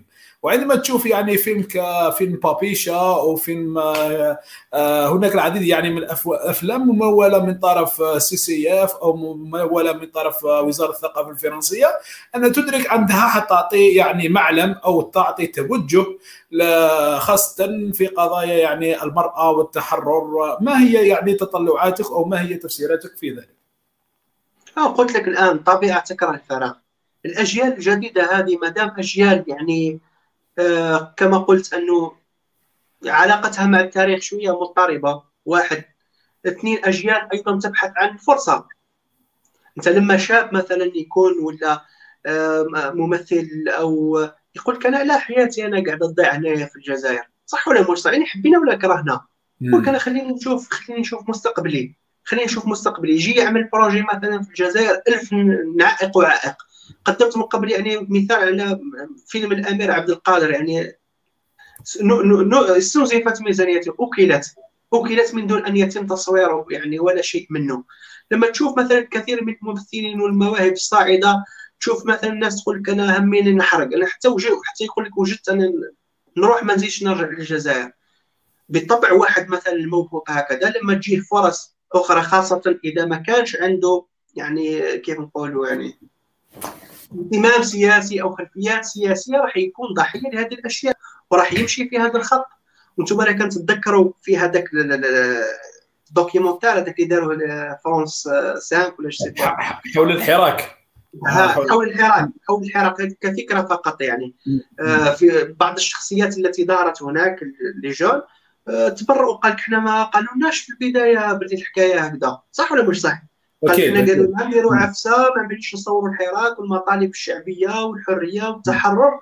وفيما بعد تم استخدامنا.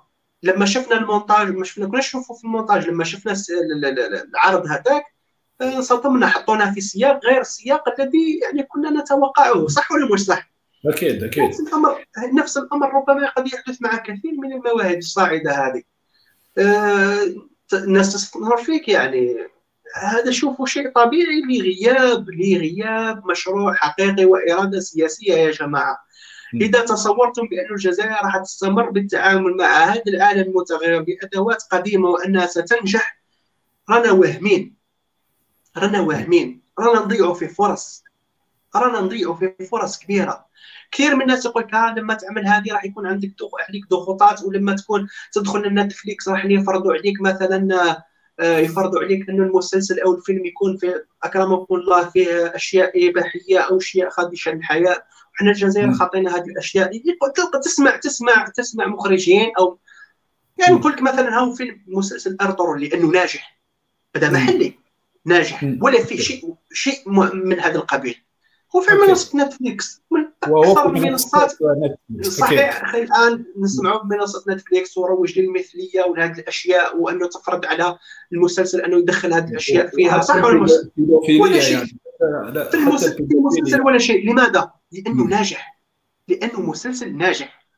هذه الأمر. نعطيك مثال فقط هذه المنصات يجب أن ندخل لها يعني بطريقة أو بأخرى. أنا مانيش مخرج ولا ولا مطلع على هذه الأشياء لكن فقط لما شاهدت La Casa de Papel واضعين أيضا في Netflix يعني آه, آه، كيف اسمه آه شغل documentaire هكذا حوار مع المخ... مع المخرج مع الممثلين كيف. من بين الأشياء اللي قالوها مثلا قال لك هذا ما كناش نتوقع إنه راح ينجح وياخذ هذا الطبعة العالمي الصبغة العالمية كلها. لما بدينا قال لك بدينا على المستوى المحلي. المستوى المحلي. كانت مشاهدات يعني ضئيلة جدا. والناس ما كانش مهتمة بيناتنا في اسبانيا علينا في إسبانيا. لكن قال لك الحدث يعجب هذاك الممثل يقول لك الحدث لما إحنا نعم، دخلنا Netflix لما دخلنا Netflix يقولوا اللي إحنا شفنا الناس تشوف في الموبايلات غير هذيك notification الناس تجيو الناس قال لك هجوم عالمي علينا حنايا. في صفحاتنا آه، طلع نسبة المشاهدة بشكل رهيب جدا العالم استقبل هذا الأمر بشكل مختلف. يعني إحنا الحاجة حاجة نقول لك المنصات هذه عندها دور كبير. ولأنه لأنه الفيلم ناجح لأنه الفيلم ناجح فكرته ناجحة.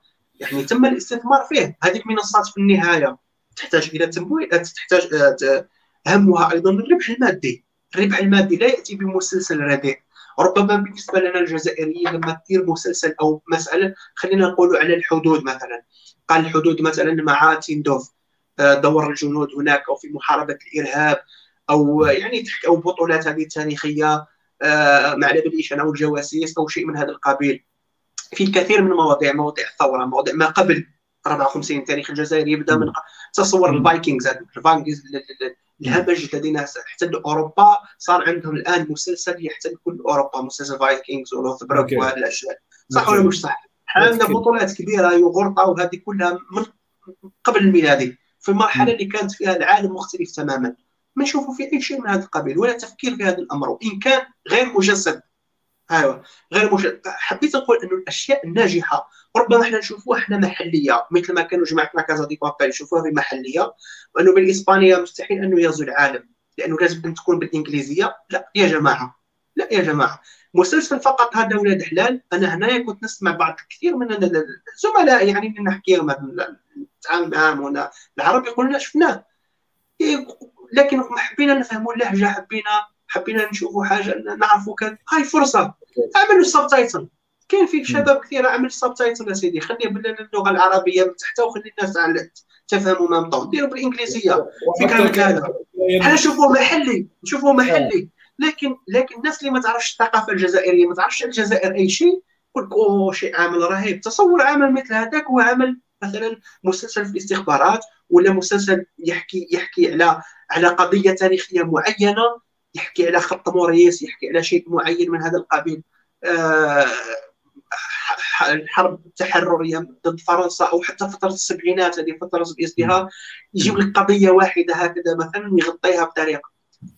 خليني أقول لك شيء يعني با با يعني جاتني هذه الفكرة في رأسي.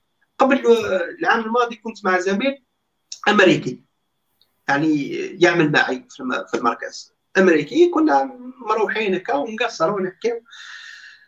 أه ومن بعد قلت له على الجزائر كيف هو أمريكي من أصول أصوله باكستان وهند وكذا لكن أمريكي هو. آه. كنا نحكيو على موضوع سياسي ومن بعد آه، نحكي له على الجزائر هكذا وبقينا نحكيو على مالك بن وعلى بعض المفكرين وبعد دخلنا في الحكاية تاع البوليتيك. حكينا على إيران.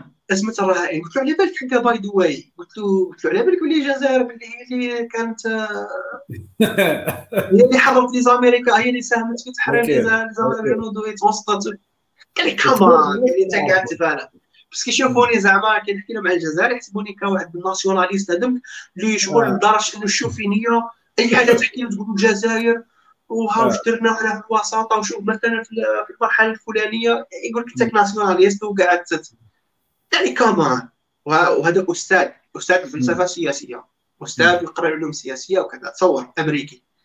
قال لي قال لي أنت تبالى قلت له يا صديقي ما ما على بالك الشيء هذاك قلت له روح جوجلت قلت له جوجلت شوفها. قلت له نزيدك أنا حاجة أخرى. نحكي له على بعض القضايا. قال لي كمان أنت درتوها قلت والله للأسف لأنه ما عندناش سينما وما عندناش قلت له أنت تعرف السينما الجزائرية شاهد قال لي كاين واحد الفيلم حكى لي La Bataille d'Alger. أيضا ها قال لي هذا الفيلم شفته وشفت بقات لي على الصورة هذه كيف الجزائريين مقاومين كيف طردوا فرنسا كيف علي la Pointe كيف حكى لي حكايات إيه. قال لي est-ce que تقدر تعطيني suggestion for other movies ولا series اسكت مش نقول له بالك لو كان رسلت له قول له تفرج ما باليش أنا نقول له تفرج على ثمان عريوات قول له تفرج على عشر العاشر هذه هذه أفلام أو مسلسلات موجهة للجزائري. موجهة للجزائري بطريقة فكاهية فيها رسائل سياسية فيها أشياء فنية فيها قيم فيها حوايج كثيرة لكن هذه موجهة لنا إحنا الجزائريين. ما نقدروش ما يقدرش واحد مثلا قال حتى حتى تونسي أو مصري يستمتع كما نستمتع أنا لما نشوف مثلا سي مخلوف البومباردي. هو يقول لهم واش داير ال politique؟ وأنا ما نقدرلوش لأنه علاش الثقافة هذه. إحنا عندنا ال Windows تاعنا جزائريه نفهموا الثقافة هذيك نضحكوا تضحكنا يعني حتى في الجزائر مثلا. تحكي مع أنا من قسنطينه من الشرق يقول لك لما نحكي على ممثلين مثلا من الغرب واصدقائي من من وهران ولا من الغرب يقول لي هذوك جماعة تاع بلا حدود. مش بلا حدود. بلا حدود بلا حدود. لا لا لا تاع الشرق كان إحنا عندنا وحدة في الشرق ثاني في وقت آه، عمي بشير الله يرحمه. آه، اعصاب واوتار اعصاب واوتار اعصاب آه، واوتار مثلا يقول لي القسنطينيه ما يضحكونيش. هكذا. يقولوا لنا ثاني أنا في وهران ما يضحكونيش. أنا كي نسمع ما نضحكش. أنا شي يقول لي غير هاك وكذا. ما يضحكونيش. أنا يعني نقول يعني يعني فيها شيء من الصحة. آه يعني الثقافه الثقافة الموجودة هناك يعني الكوميديا هذه مرتبطة مرتبطة بالثقافة المحليه تصور إذا كنا إحنا الجزائريين بين شرق وغرب مثلا أنا ما يضحكنيش واحد منهم ولا ما يجذبش انتباهي مثلا. ونفس الأمر بالنسبة لي. تصور أنه الخارج اللي في الخارج خارج الجزائر غير الجزائري كيف ينظر لنا؟ كيف نقدروا إحنا ناتيريوه هذه هي العبارة. كيف نقدروا حنا ناتيريو لاتونسيون تاعو انه يتفرج قلت لك لما سقساني هذا الصديق الأمريكي ما بقيتش نجاوبه. قلت له فيه الأمير عبد القادر فيه بوعمامة وهذيك قلت له بوعمام فين قديم و و كتعرفوا الحكاية. قلت له فيه بطاطا قلت له فيه مشاريع إن شاء الله كذا واش راح تقول؟ واش راح تقول؟ يعني إحنا مثلا اللي ندافعوا على هذه الفكرة ما توليش عندك حجة أمام الأجنبي. لماذا؟ لأنه الاراده السياسيه في الجزائر غايبة ما فيش صناعة سينمائية بقيت مجرد مؤسسات فارغة من المعنى. وهذه هي رسائلنا لماذا عملنا إحنا؟ لماذا عملنا هذه الجولة عبر عبر العالم؟ شوفوا يا جماعة المكسيك. يعني لماذا تعمدت المكسيك؟ نقدر نحكي على أشياء أخرى. شوفوا المكسيك اللي كانت إحنا في وقت معين. والله لما تشاهد ال Candidate هذيك ركزوا فقط على الطرقات مثلا وعلى البنايات. والله تقول الجزائر. تقول الجزائر في الحقيقة خاصة في المرحلة هذه تاع التسعينات بداية 2000 2000 وحاجة حتى حتى يعني عندما تشوف مسلسل بابلو إسكوبار ولا ماركو ولا يعني فيها شيء من السياسة وفيها شيء من التدخل. وشوفوا الان وشوفوا الآن المكسيك واش حاب نقول يا أخويا لامين؟ شوفوا الآن المكسيك وين؟ وشوفوا حنا رانا وين. ما عندكش مسلسل ولا فيلم تقدر تعرف به الجزائري با هذاك الأمريكي ولا هذاك الانسان يعرف حاجة علينا حنايا. مش الناس كلها تروح تقرأ التاريخ تاعك. وحتى الميزانيات المخصصة لترجمة الكتب؟ الميزان في التاريخ. الكتاب هذا ما كتطور. هل تم ترجمته إلى اللغة العربية؟ هذا اللي صادر في اوكسفورد عن اوكسفورد 2018 عشر ربما لي في المرة السابقة. هل تم ترجمته الآن؟ هل فيه في الجزائر مثلا نية لترجمته إلى العربية إلى لغات أخرى أو لا؟ ما فيش. question question هذه فقط في المستوى من بعد تقول لي بالطبع الناس تسخط على وزارة الثقافة تسخط على المؤسسات هذه تبقى فارغة من المضمون.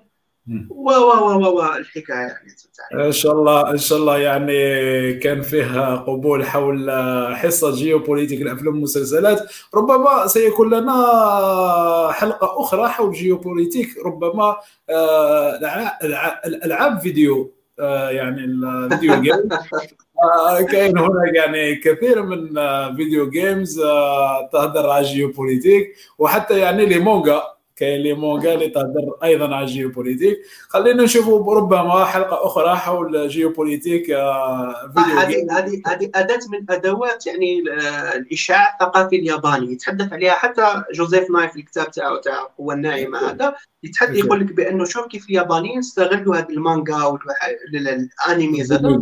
بيروجوا للثقافة.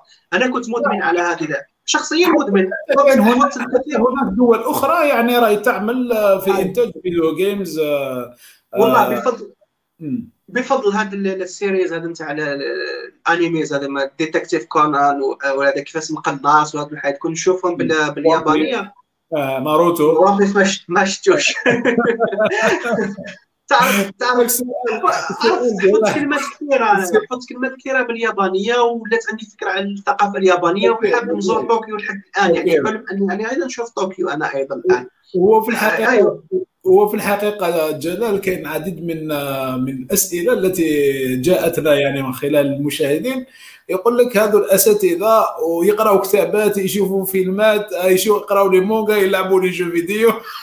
يعني هل وقتهم 24 ساعة ولا عندهم 48 ساعة في النهار؟ ولا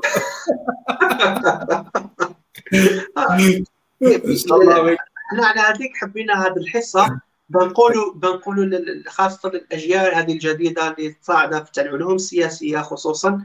يا جماعة الجامعة لا تعلمك تعلمك المنهج. تعلمك المنهجية تعلمك النظريات.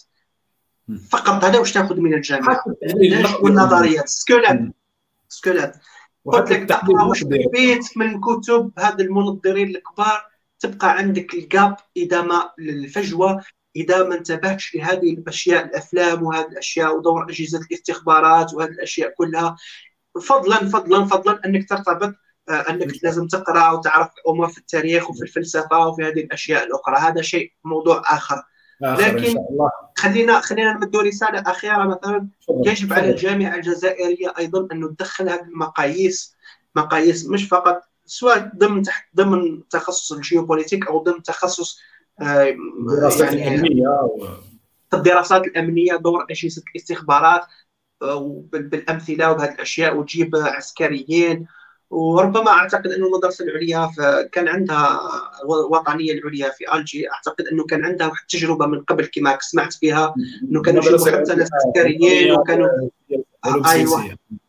يمدوا الخبرة للطلبة في هذا المجال. هذه نقطة حساسة جدا. آه إن شاء الله نتقدموا فيها. ان شاء الله تتعمم إن شاء الله تتعمم باقي الجامعات الوطن. إن شاء الله وإن شاء الله يكون هناك يعني ثورة لبناء سينما جزائرية ومسلسلات جزائرية تكون مشعة للعالم. شكرا للباحث جلال خشيب على قبول الدعوة وعلى سعة صدرك في حوارنا لجيوبوليتيك الأفلام والمسلسلات. كيف تصنع وتشرح السينما عالمنا الجديد؟ شكرا.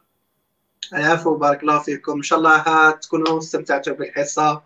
شكرا على المشاهدة ونلتقي إن شاء الله في فرصه سوايع قريب زوج سوايع ونص. لكن يعني نستسمح الحضور. كان هناك يعني آه، مشاهدين مستمعينا آه، تابعونا نشكرهم. يعني مشاهدينا ومستمعينا الكرام وصلنا إلى نهاية الحصة. بإمكانكم التفاعل معنا عبر طرح أسئلتكم من خلال آه، من خلال يعني قناة اليوتيوب أو حتى يعني الاشتراك في قناة اليوتيوب لكي يصلكم كل جديد والانضمام إلى مجموعة كاش بوليتيك على الفيسبوك لكي أصلكم كذلك كل جديد حول الكاش بوليتيك والمواضيع المهمة. كما يمكنكم الآن استماع البودكاست عبر تطبيق سبوتيفاي وأنكور وذلك عندما تكون ربما سيدي أو سيدتي في الرياضة تمارس الرياضة أو راك تطهي أو راك حاصل في ال circulation في السياقة الجي بليدة والجي راك حاصل راك آه، إن شاء الله تقدر تسمع كاش بوليتيك وتثقف مع الأستاذ أو الخبير آه، والباحث في إسطنبول الجزائري كاش آه، جلال خشيب تسمع حصة جيوبوليتيك الأفلام والمسلسلات. شكرا على طيب متابعتكم. دمتم في في رعاية الله. وحفظه. والسلام عليكم ورحمة الله تعالى وبركاته. على خير